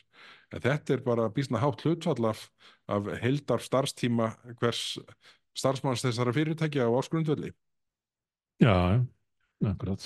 Heyrðu, næst fyrir við í veðurspámin ásins Þetta er liður sem var hérna í fyrra og, og parendlinn taldi bara rétt að halda honum óbreyttum. Þrátt fyrir hans að breyttar aðstæðir þá eru viður spámenn ásins uh, annað árið í röð. Þeir sem að uh, hafa verið að krefast þess að ríkistunum lýsi yfir hamfarallínum uh, hér á landi uh, og, og gerðu það í aðdraganda eins uh, kaldasta minnst kosti vetrar og, og, og jafnvel sumars líka á þessu ári í mjög langan tíma, já, kaldast allavega frá því fyrra. Uh, og, og ég er bara þótt lengra verið litið en, en um, þetta átti kannski ekki hvað síður við á Norðurlöndunum. Þess, og, og raunar í bandaríkjunum líka eða Norður Ameríku það sem viða hefur verið alveg hel kuldi í vetur og núna um áramótin eða rétt eftir áramót fjallu tvö kuldamett annars vegar í uh, Norri og hins vegar í Finnlandi. Og þessi lönd mörg hver búin að vera bara gattfreðin og auk þess var mikil snjókoma, það var alltaf kafi snjó uh, í stórum hluta Evrópu. Þetta náttúrulega fjall ekki alveg að, að spáni um að jörðin væri að stikna en ætli menn tólki þetta þá ekki bara sem enn eina sönnunna fyrir því fyrst þetta sé orðið svona mikill kuldi þá hljóti það að vera okkur að kenna hérna Já, já, já, á. Vesturlandum Akkurat. Eru þá færum við okkur yfir í metnaðagirni ársins. uh, já uh, það þar er held ég með gögnin hérna hjá minni en ég held að þar haldi sigurvegari ásins í fyrra velli, jú Á allt öðrum fórsendum. en á allt öðrum fórsendum metnaður uh, gerni ásins eða sá sem að hlýtur verðlunin fyrir mesta metnaðin er eins og í fyrra Garðabær. Í fyrra fenguður þessi velun fyrir að reyna að vera ennþá meira vókaldur en Reykjavík. Uh, verður tilraun ég er ekki sem að þeim hafa tekist það en þeir reyndu allavega sitt ítrasta en nú fáður verðlunin fyrir að reyna að toppa Reykjavík í, í gjaldtöku skattlagningu þeir Hver hefði reiknað með því að Garðabær myndi riðja brautina fyrir aukna skattimtu? já, Svona hlutvarslega.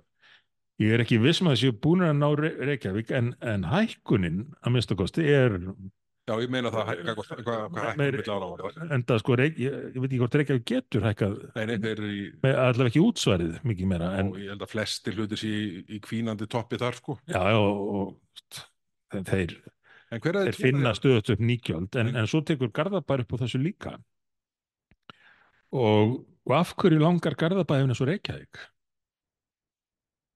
Já, stort er spurt. Ég, ég veit það ekki ég, Sko, Ég- Baggalútur söngum það forðum að, að Garðabær væri bæja vænastur uh, vegna þess að þar væri svo fáir vinstri grænir. Já, en þeir þurfa kannski eitthvað að uppfæra textan Já. En þetta var það var engin samkeppni að það. Þeir, þeir heldu þessum velunum uh, en á nýjum fósendum sem er sem er ákveðið afrek. Já, já, það, það, er, uh, það er hérna það er vel gert hjá Garðbæðingum og eða þeim sem þar stjórna að, að halda þessum titli milli ára á, með, með gjörbreyttum fórsendum Já, Heyrðu, en næst er það ráþæra ársins og það var, hérna, svo ég takið þann bolta, það var háskólaráþæran okkar sem að virðist takast að vera það óumdeild í þinginu að, að mér sýnir sem svo að hún hafi ekki fengið neina spurningu á sig í fyrirspurnatíma í höstinginu já. Og mér er til eftir Alveg. að það hafi gerst áður. Ég sá frétt um að, þetta. Að ráþæra fari í gegnum allt þingið án þess að, án þess að fá sig fyrirspurn. Það lítur að vera af því hún hafi verið algjörlega óumdeild eða kannski ekki lagt fram neinn mál eða ekki haft skoðun á öðru en Svandísi Svavastóttur sem eru þetta uh, jákvætt á okkar mati að, að Já, já. fæst mál komið fram. Svo það sé alvar hreinu. Við erum ekki í þeim hópi sem er að reyna að reka á eftir þessari ríkistofn við höfum séð hvernig þau mál eru þegar þau líta dagsins ljós.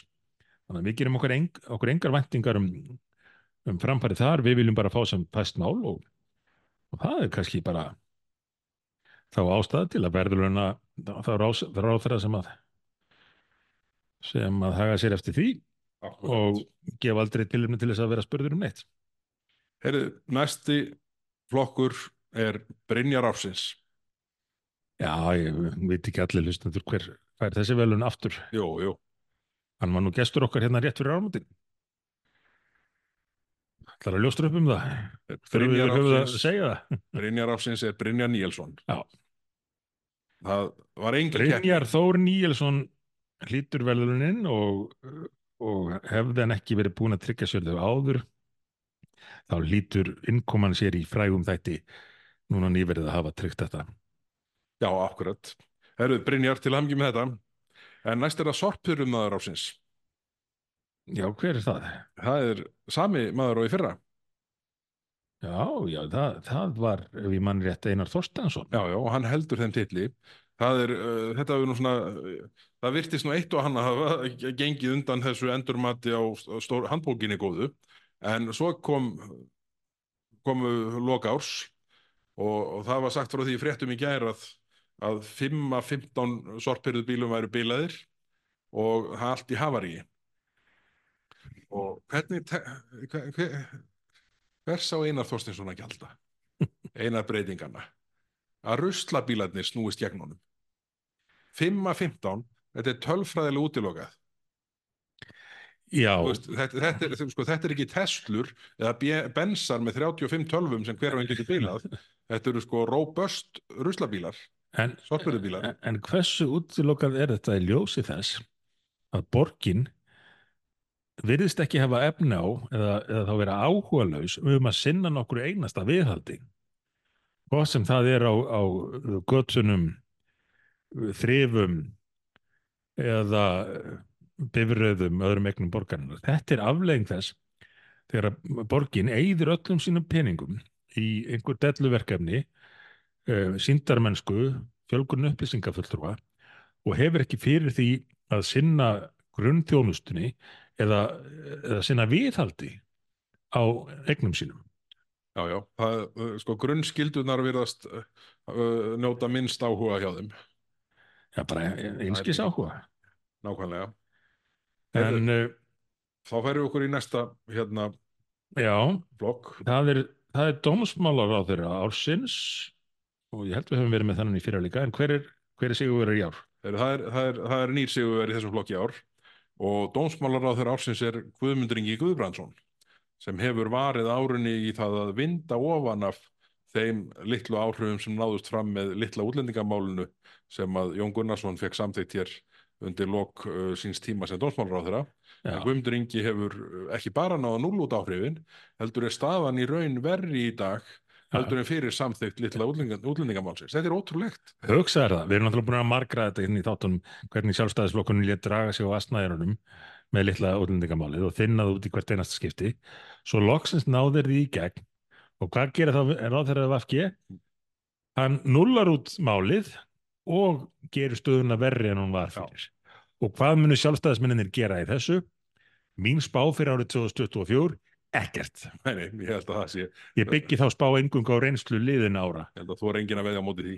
og þó liðin ár segi ekki alltaf til um framtíðina þá, þá hefur ekki séð mikil merki þess að, að brúðist verði við á þessu sviði af hálfu flokk sem að þó hefur viðurkend núna í nokkur ár að sé stjórnlust en uh, uh, grín ársins Já, grín ársins, þetta er nú spennandi liður Þannig er nýr sigurveri í þessum flokki og það voru svona nokkri tilnefndir, nokkrir stopnannir, fyrirtæki, einstaklingar. En svona það sem panelin, panelin valdi á endanum eh, eftir að hafa lagst yfir, yfir tilnefningarnar var sorpa. mm. Það er bara af svo mörgu að taka þar. Það, eh, á sínum tíma var auðvitað gæja og, og nú er það flokkunarkerfið og, og, og, og hérna og aukaruslatunnurnar og meldingar uh, sorpu á samfélagsmiðlunum um það að það er að fjölgaruslatunnunum menn meira og, og bara þessi leiðarvísar leiðavísarnir ormagrifjurnar í, í tunnunum sem að sko hérna og, og hérna hvað þetta áastaflugurnar og hvað þetta heitir allt saman. Mm.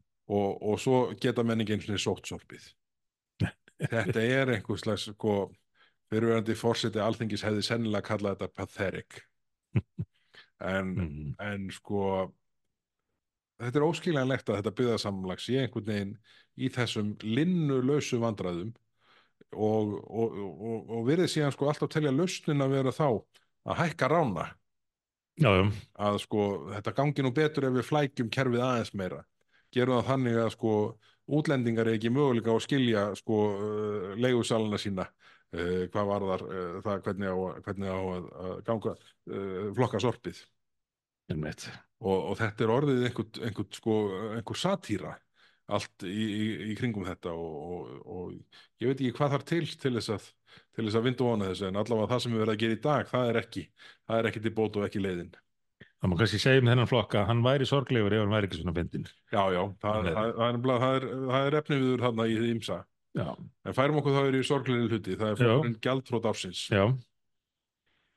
Uh, við vorum með þennan lið uh, í fyrra og þá hlaut verðlaunin uh, Reykjavíkuborg. Hver er það í ár? það átti engin séns Reykjavíkuborg bara, þetta var sweep Nei. það voru allar, uh, allir hérna í panel og allar tillögur sem kom utan á bæ sögðu Reykjavíkuborg En þessi fjármálur Reykjavíkuborgar eru hægasta lestaslið sem að ég mann eftir að hafa fylgst með. Það er alveg furðulegt hvað það blasir við í hvað stefnir að það er aldrei gert neitt til þess að taka ámálunum, heldur bætt í uh, bara uh, hraðar áfram.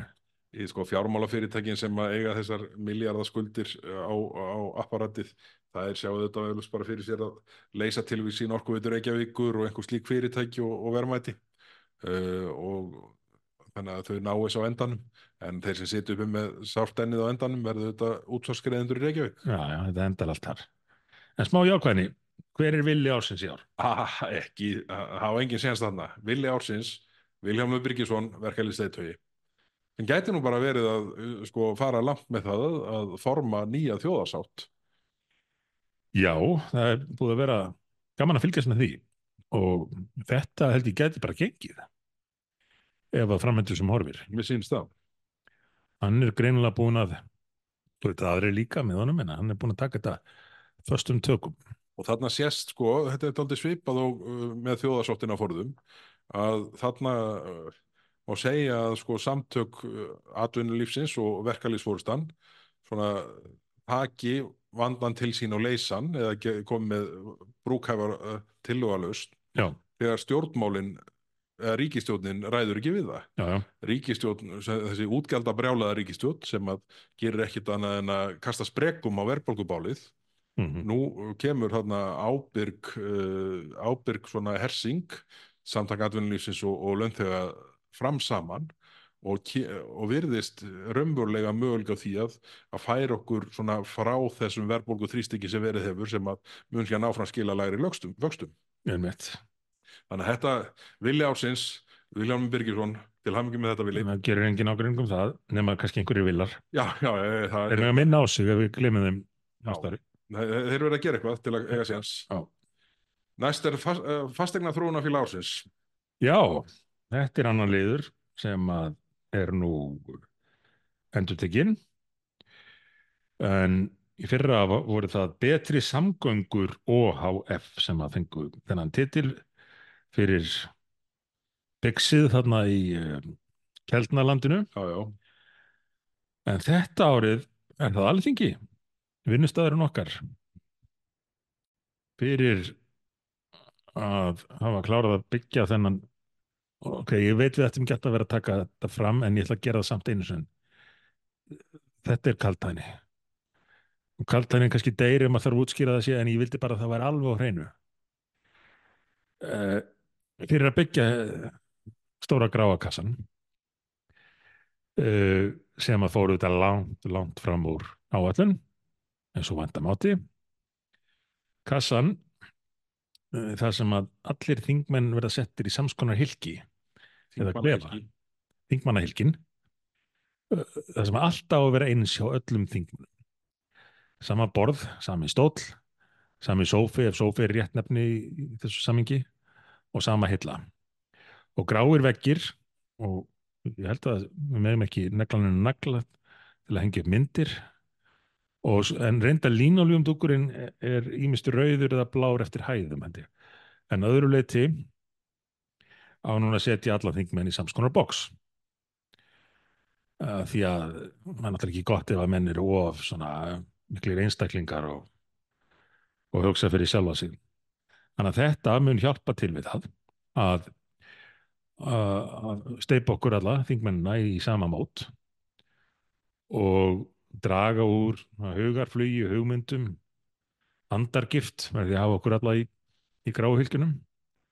Þá er auðveldar að láta okkur bara gera það sem til er ætlast á okkur senda okkur upplýsingar um hvað ég er samþykja og hvað ekki.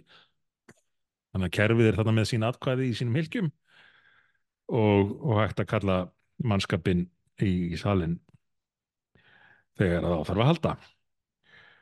Uh, þetta var uh, fastegna frónarfélag ásins það var alþingi Íslendinga og uh, ekkert mikið meir um það að segja nema ef að þingið hefði nú klárað það sem búið var ákveði ríkistöðin á sínum tíma að byggja glæsi hísið sem að hér stóð til að reysa, teknaða Guðunni Samúlu sinni samþitt í ríkistjóðn fyrir nokkrum árum. Þá hefði það fengið þessi velun ekki kalt henni heldur sem eh, framfarastofnun. Já, akkurat Byrtist ég nokkuð vera bitur í þessari lýsingu? Nei, ekki frekar en ég, ég, ég ákvaða að býti tungur á mér, Já, ég tek undir hvert orð. Samninga með náfsins, það, það er ríkistjóðin ég man ekki hverju voru með því fyrra en ríkistjóðin vinnur þetta árið bæði í innanlandsflokki og uh, elendis eða útlandaflokki. Innanlands fyrir að leysa öll sín mál sín á milli framkama þau af uh, mikilli festu og með mikilli samstöðu og Erlendis fyrir samninga sína við Európusambandið um uh, upptöku uh, gerða, reglugerða, laga frá ESB um það að leggja ný skatta og gjöld á almenninga á Íslandi. Annars vegar var sérstaklega tiltekið hér flugmálið sem að samþýtt var að innlega reglur sem er ætlað að koma, koma Evrópu fólki upp í játbyrjöldalestar koma í veg fyrir að það fljúi að innlega þær hér á landi það sem við erum reyndar ekki með játbyrjöldalestar en það er kannski svona einhverju langtíma ákvörðun að gera göng til Evrópu. Uh, og uh, jú reyndar flugmálin skipta okkur miklu máli svona efnaðslega meira máli en okkar annað Európaríki og ferðarþjónustan og, og Íslendingar hafa gaman að því að komast einstökus sinnum til útlanda en, en allt er þetta allt er þetta á þetta verður sögunni uh, með þessum nýju göldum sem er ætlað að draga úr flugumferð til og frá landinu mjög verulega minganum, já, alltaf 75% á næstu tveimur og halvum áratígi en, en ríkistofnin náði því fram að þetta takk ekki að fullu gildi fyrir en eh, eftir uh, 2-3 ár við fáum svona 25 og 26, Já. svo er 1. janúar 2027. sem er reyndar aðlugunar tíminn sko í Evrópu líka en, en við fáum aðeins meiri afsláttuna í þennan tíma áður en þetta tekur allt gildi og, og þetta afrek var einmitt kynnt hér í tengslum við Evrópu hátíðina Ég er nú ekki að reikna þennan kostnað til framtíðar inn í þetta mat upp á 35 miljardar. Nei, nei, nei Þetta er, Þetta verður svakalegt eins og, eins og ráþurinn þetta listu og, og heldur þeim sögn 200 fundi eða hvað hann var með Európusambandinu til að semja. Og þeir fengu þetta sko. 2-3 ári afslátt. Örlíti meira á, á aðluguna tímanum heldur heldur aðrir lengur. Sko. og einnig var getið um, eh, um samningatæknina varðandi gjaldtöku á vöruflutninga með skipum til og frá landinu þar tikkaði reyndar Ísland í öll bóksin um að fá undanþáur en uh, eins og ráðferðarnir lístu innveðar ráðferðarinn fósettis og auðverkisráðferðarinn á sínum tíma þá hefði Ísland ákveðið að sækja ekki um undanþáur Ég held að ráðherrar hafi ekki hlaupið jafn hratt frá íslenskum hagsmunum og þarna síðan Svandi Svástóttir gaf eftir og krafðist þess að gefa eftir sér íslenska ákvæðið varandi gagvart Kyoto. Já, já, akkurat. Hún hefði orðið samningamaður þess árs ef hún ef að, ef að við höfum verið byrjaðir að halda listan. Já, já. En þetta árið var það alveg ótvírætt, ríkistofnin í innbyrðissamningum innanlands og í jötaríkisteldinni í samninga viðraðum við Európa-sambandið. Herðu, næst er orð ársins. Orð Já. ársins, þarna voru nú nokkur nefnd og það eru, nú er kostur að vera síðastur. Með ára, uh, ársuppgjör. já, Orð ársins er missögn. missögn, já. Missögn, þetta hljómar eitthvað kunnulega. Þótt ég hef nú ekki heyrt þetta mikið notað í svona daglegu tali gegnum tíðina. Í hvað er verið að vísa þarna? Þannig er að vísa í málsvörn höfðulust Eddu Falak þegar hún hafði eitthvað Já. uh, misti í sig starfslýsingu sinna fyrir tímum, fyrir stígum. Og, já, bankamaður og livjafræðingur ársins hérna á sínum tíma já, já. Svo, svo var það afgreitt sem missögn þegar, þegar hérna, Frosti Logason já, hafði uh, flett ofan að því öllu að þetta að stæðist, það stæði ekki steinni við steinið þarna. Þá var það missögn og það talið full, uh, uh, fullnægjandi skýring hjá, hjá þeir sem, þeir sem helst gaggrina þegar menn mistiða sig og er ekki með þeim í lifið. þetta gengur allt út af það í hvaða liði ertu og, og þá er allt metið út frá því hvað þú segir og gerir. Og alveg, alveg ótrúlegt hvað þetta nær langt og nær alltaf lengra og lengra finnst mér. Það er orðið þannig að ef þú ert alveg í toppbildin í, í réttaliðinu þá getur þú satt og gert hvað sem er. Já, já, það verðist verið reglan. en ef þú ert ekki, ekki alveg í réttaliðinu þá getur þú ekki sagt að gera neitt á þess að uh, þeir finni því allt til óþvartar Herðu, næst er njóstnari ársins. uh, Sá satt út á Granda. Já, og fletti upp uh, í Livjabrunni já, alveg rétt. Hins uh, sjúkrastofnunar. einmitt, Þetta er hún Vítalía vinkon okkar Lazaróa. hún lítur nú að fletta okkur upp ma maður myndi eiginlega móðgast Já, ég, ég væri það ekki daldið eins og komast ekki að í sköpunu að, að, að vera ekki flett upp. akkurat Við ættum kannski bara hérna, að kalla eftir upplýsingum um það hvort okkur hafi verið flett upp og, og segja frá því hérna í næsti eða þannasta þætti. Nei, þannasta. Ef, að- ef, já, að það, það er hægt að gera það er ekki? Jú, jú, við gerum það. En og- og að því Katrín ætlaði óska eftir að fá að mæta og, og var- væri mikill heiður fyrir okkur að fá hana í næsta þátt. Var það ekki í frittildinni já. Þá hérna, kann, við, við, við verum með því þarnasta þetta þú er að leipa mér hvernig þetta er gert. Já, já. en, en nú færum við okkur yfir í þingmenn ásins sem er, sem er fastu liður það, hérna. það er einn ein, ein liður sem vantar áður við förum í þingmenn ársins. Já, það er semst miskilningur ársins. Já, það kom til greina, þetta var uh, liður, sérliður sem var uh, sett bætt inn á síðust stundu á panelnum. Já, og það var fyrsta tillaga var reyndar að þetta héti uppáferð ársins en það þótti nú kannski svona full, fullgróft svona í ljósi þess að þetta er fjölskylduþáttur. Já, en miskilningur ársins var hérna var uh, bætti, uh, honum var bætt inn sem, uh, sem hérna verðlaunum í loka meðförðum Mm. og það er sem sagt Bjarni Bendiktsson, utanengisráðurra lísti því yfir í kritsildinni undir lok hennar á gamlásdag að hann ætlaði upp á drottninguna á nýju ári. Og það var ekki liðin nema rúmlega klukkutími þegar Margrét Danadrottning tilkynnti það að hún ætlaði að hætta afsala sér krúnni og, og, og og, auðvitað settum menn þetta í nýtt samhengi. Í- menn settu þetta í nýtt samhengi og, og Margrét greinilega hafði heyrt af því að, að Bjarni væri hérna, hefði, hefði þessi áform á árinu. Og þannig að hún nýtti því við sem skýring á því að hún er að hætta að hún væri slæm í bakinu.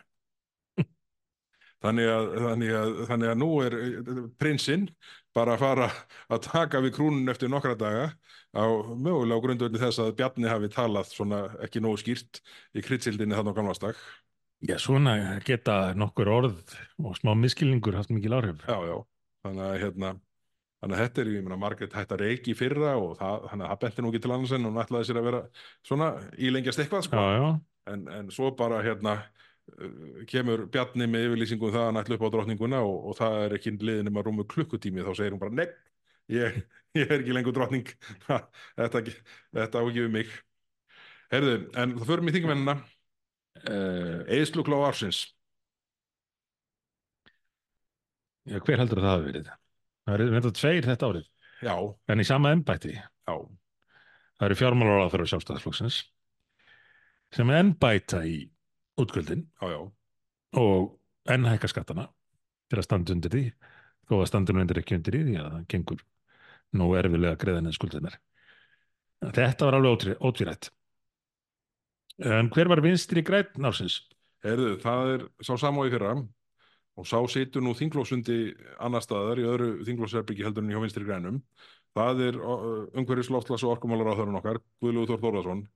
Hann heldur áfram að vera svona illa vinstri græn í loftslagsmálunum. Já, þetta er líklega þriðji titillin hans þetta árið. Hann getur farið að ræða þeim upp á nýju skrifstofunni. Nei, hann þarf ekki að vera í kassanum. Hann getur ræðið upp á skrifstofunni hvað sem umhverjusráðunandi er núna. Er það ekki ennþá þarna við, hvað, eitthvað? Skiptir ekki máli. Allavega, hann hlýtur einhverja skrifstofu. Það sem hann getur uh, farið að fylla byggarskápin af velunum frá sjónvarslösum 50. Já, já. Uh, Þagnar bindindi ásins. Já, það er, uh, þarna var mjög afgerandi niðurstaða í panelnum. Það komu svona nokkara tilugur en, en, hérna, en það voru allir sammála þegar áreindi og það, hérna, það var þingflokku framsónaflokksins þegar kemur að kvalviðimálum. Já. Þegar Svandís uh, bannar kvalviðar tímabundið uh, eins og hún myndi orða innan gæsalappa tímabundið uh, í sömar þá hérna þá fóru framsóknarmennir á mikinn flótta og, og sögðust ætla að skoða málið og, og það veri margt í mörgu og, og allt þessa hvernig orðuð er það? Þeir ætluð að býða átekta held ég. Já, hvernig- það, það var svona orðin fras, orðið frasin hjá þeim. Framsókn býður á þetta og þeir sjóðum einhvað svipað núna. Það var einhvern veginn Ég- Það var Eh. uh, þegar, þegar niðurstaða, þegar uh, álit umbóðsmann spyrtist, já, þá funduðu þeir hið snarasta til að lýsa því að það væri ekki ástæðu til neittna viðbræða. já, Bara, akkurat sko, svo, svo eru framsóknarmenn hissað að það hefur ekki verið, gert- ekki verið gert grínaðum í skaupinu. já, þann, en þannig kannski komið nýja kostningaslagorðið þeirra ekki breðast við, kjósið framsóknarflokkin Já, ég meina þá fáið þið orku skort og þið fáið hvalviði bann og svona eitt og annað í kaupæti. Alveg ótrúlegt að, hérna, að, að, að það sé eins og þessi sérst, sérstætt markmið hjá þeim að, að vera ekki í pólitík. ótrúlegt, já svo Eru er það ferðalangur ásins Svo, svo eru ferðalangar ásins og þetta var nú eiginlega svona bara svona uh, talninga, það, hérna, það, það þurfti ekki að uh, svona kalla neitt eftir uh, uh, tilnefningum í þessum á efnum. tölfræðilegum gögnum byrt á, byrt á tölfræðigögnum frá þinginu og þarna eru Þóruldur Sunna og Bjarni Jónsson uh, afgerandi sigurvegarar uh, Bjarni var þó sko formaður auðverkismálunemndar en Þóliður Sunna virðist uh, finna einhver verkefni. Já, já það, þetta er í gegnum Strasbourg ímyndaði mér.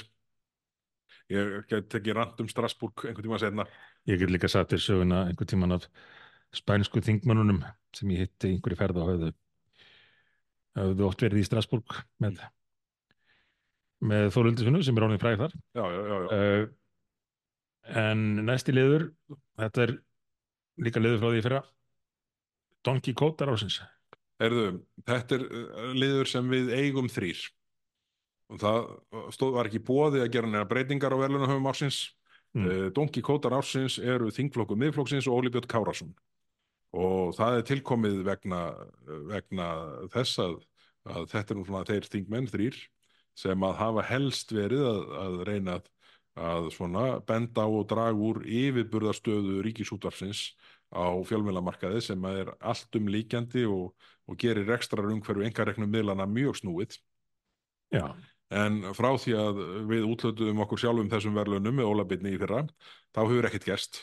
Nei, annað en að það er búið að framlengja þessi krampakendu viðbröð uh, uh, framlögin og, og gera í rauninni sko engareknum miðlana en uh, svona háðari ríkistyrkja í staðin fyrir að laga rekstrarung fyrir þeirra. Og er ekki ráð þennan sem býr alltaf til formúluna eða hann allavega sko, afgreðar hana kannski afsaka sig með því að fela einhverjum öðrum að já, já, gera, gera handritið og að hitti fyrir að þá átti út af saga ekki séns á krónu og Nei, fengu þið einhvern núna? Ég, ég er bara ekki búin að skoða það sko. Ég, ég er ekki viss með að séu náðinni sko.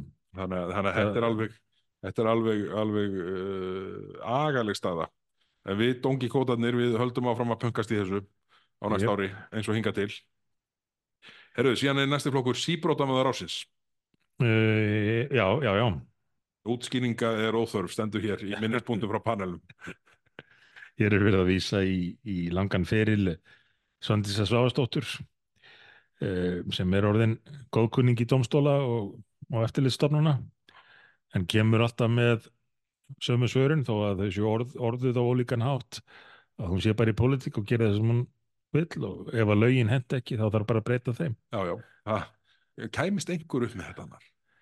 Ég er ekki svo viss um það. Jó, einhverjir mistri grænir kannski. Það. þrjáð þegar hann kannski, veit ekki með guðmyndinga, uh, en ég, þó eru þau ekki endilega eins ósvífin í, í svörum. nei, nei, akkurat. Akkurat. Eh.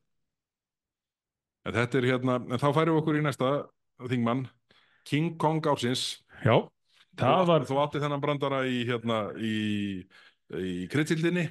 já, ég, það ég, var, ég fylgdi eftir í pistli í mokkanum. já, já, ég sá það, mjög góðu pistill, mjög góðu pistill.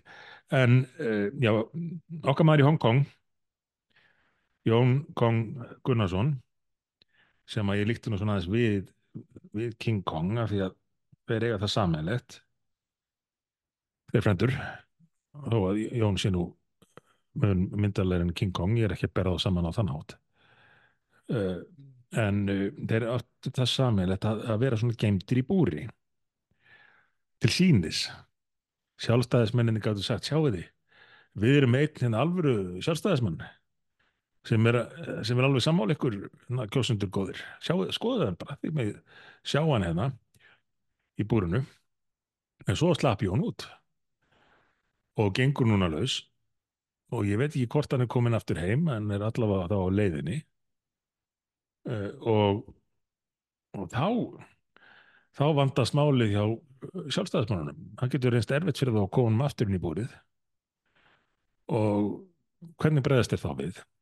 Gera þeir eins og eins og þú nefndir í pislinum varðandi innanryggisráð þeirra að, að fara bara að gera lítið úr, úr því að Jón sé einhverja andmala því hann sé nú bara einn af 37 liðsmönnum stjórnarinnar. Þurfi ekkert að hlusta á hann.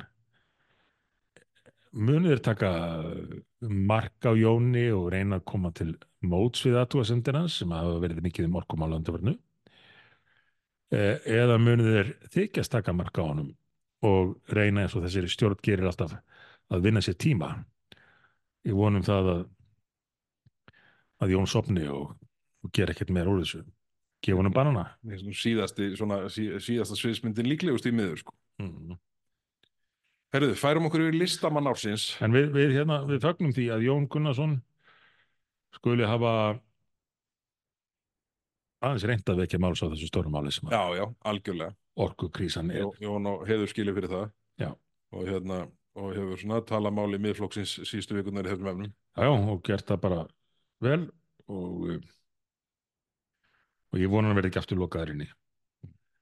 Uh, en já, verði ekki bara vona, e e ef við reynið það þá, þá streytist hann á móti. Já, Uh, já, listamaður ásins. sí, uh, Í fyrra hérna byðlistamaður ársins Já, en var stitt núna þó að verðluna hafinn sé sáinn sami og merkingin sé hún sama.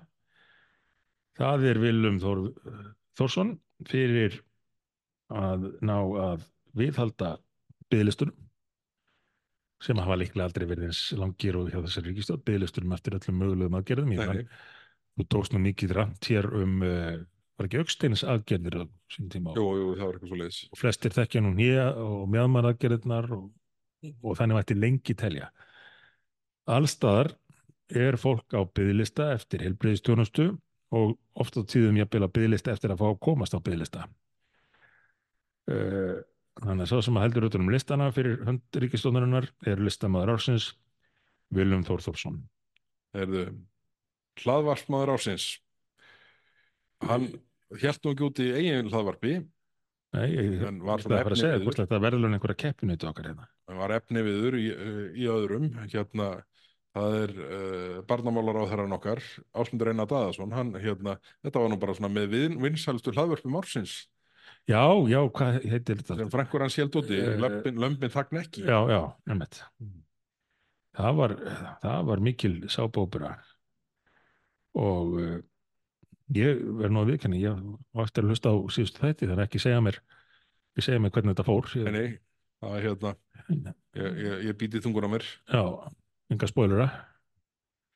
Herruðu, næstur er postmaður ársins það er samflokksmaður Ásmundars það er Stefán Vagn Stefánsson fyrir að færa skila sem er núna formaður fjárlaganemdar já, fyrir að færa skilabóð fjármálaráðinsins inn í fjárlögu og gera þau að skoðun nefndarinnar. Þetta hefur verið svona undarleg þróun á fjárlaganemdinni þetta farin ár, að hún veriðist vera svona orðin einhverslega skilabóðaskjóða fjármálaráðinsins þar sem að verkefnið í aðdraganda fjárlaga veriðist fyrst og fremst vera það að, að gera breytingar á milli umræðina sem eru að beini ekki þingsins eða nefndarinnar. formaðurinn fer upp í ráðunendi fær það leiðbendingar og kemur með þær Já, í Þetta- posti þetta var ekki svona. Nei, sko, formennska og varaformennska í fjárlaganemnd voru með mestu áhrif á stöðum þingsins já, já hér áður. það var talað um að þetta væri væri jafngilt ráðhverjadómi að vera já, fjárlaganefndar já. Svo, svo, svo nú er þetta orðin bara einhvern svona hlutverk sko, svona postmanns. já, Heyrðu, samgöngur á þeirra rásins. Tunum við er það ekki bara uh, þingflokkur framsóknarflokks allur Jú, það nefnilega var niðurstaða panelsins. mm. Það, uh, menn fór aðeins að greina svona þingmála skrá og, og síðan uh, þingmál uh, hérna, uh, þingmannamál já, og þá kemur í ljós að, að mikill fjöldi hérna þingmannamála uh, framsóknar þingmannana snúa að málaflokkum samgöngur á þeirra. Þannig að þannig eru þingmennir að leggja fram mál já, að- já, já, nú skil ég þetta alveg rétt. sem að, sem að eru e, e, ráþæran er í raun búin að hafna. Eru Einmitt. ekki hluta samgöngu á og þarfum til göttunum ég hef tekið eftir þessu, gott Og- hjá panelinum að, að fylgjast með. Þetta, þetta hefur á köflum verið alveg kostulegt. Já, já, þetta er alveg, alveg að, að þingmennið trommið fram með mál sem leggja til að einhvern fjandi, einhver fjandi sem gerður einhver vegulagður eða einhver göngboruð eða eitthvað, eitthvað bara, já, já, og, og, og ráþæran er nýbúin að segja með, með, með framlagningu eiginmála, nei, þetta verður ekki gert. mála sem að þeir svo stiðja allir Já, með álega sem þeir stýði allir, þetta er, en, þetta er, ég held að þetta sé nýlunda. já, ég, alveg rétt ég er svona byrjaði að veita þessu aðtikli í Já. fyrra frekar en hitti fyrra, en þetta, þetta er hérna, þetta er orðið mjög ábyrjandi. Ég man eftir sko nokkrum skiptum núna þegar þetta er nefnt, ég man eftir nokkrum skiptum á árinu þegar maður hefur svona að minnstakosti leið inn í sér og stundum jafnvel uppátt að hlusta á það hérna koma alveg sko harðir með sínar, sína stefnu í samgöngumálum og, hvað verði að gerast og menn verði að taka sig á þessu verandi nýbúin að samþykja einhvað frá ráðherna sem gengur í þeirra og átt. Já, já, já, þetta eru samgöngur á þörra ásins, þingflokkur framsumálflokksins. En nú fer þetta nú að styttast í annan endan. já eins og me, menn heyra þá er þetta nokkuð svona bara random uppröðun á þessu og það er gert til þess að uh, menn þreytist ekki um of á einu málaflokki. Veist aldrei hvað kemur næst en nú er bara fátt orðið eftir. Nema þú viljir bara fyrir okkar hönd hérna annars að bera það undir panelin skjóta einhver inn. Annars Já, það er nú kannski helst það að, að þessi þáttur sem er númer 62 já, gæti orðið, ég segi gæti orðið síðasti þátturinn sem við tökum upp hér í stúdíónu í vonastrætinu. já, þá verður þú bara þannig hinum einn og ég verð hér í símanum Ok, og við tökum upp símaþátt all right, það gæti orðið lausnin. En ég minni á það að í skrittsildinni þá bau- bauð Katrín Jakobsdóttir fórsættisráðherra uh, bóðaði að hún komið sína í þáttinn. Já. Þannig að við verum að standa við það, en, en eina spurningin er hvort það verði í, í núna í næsta þætti. Ég held að veri betra að það væri í fyrsti þáttur eftir að þingi kemur saman.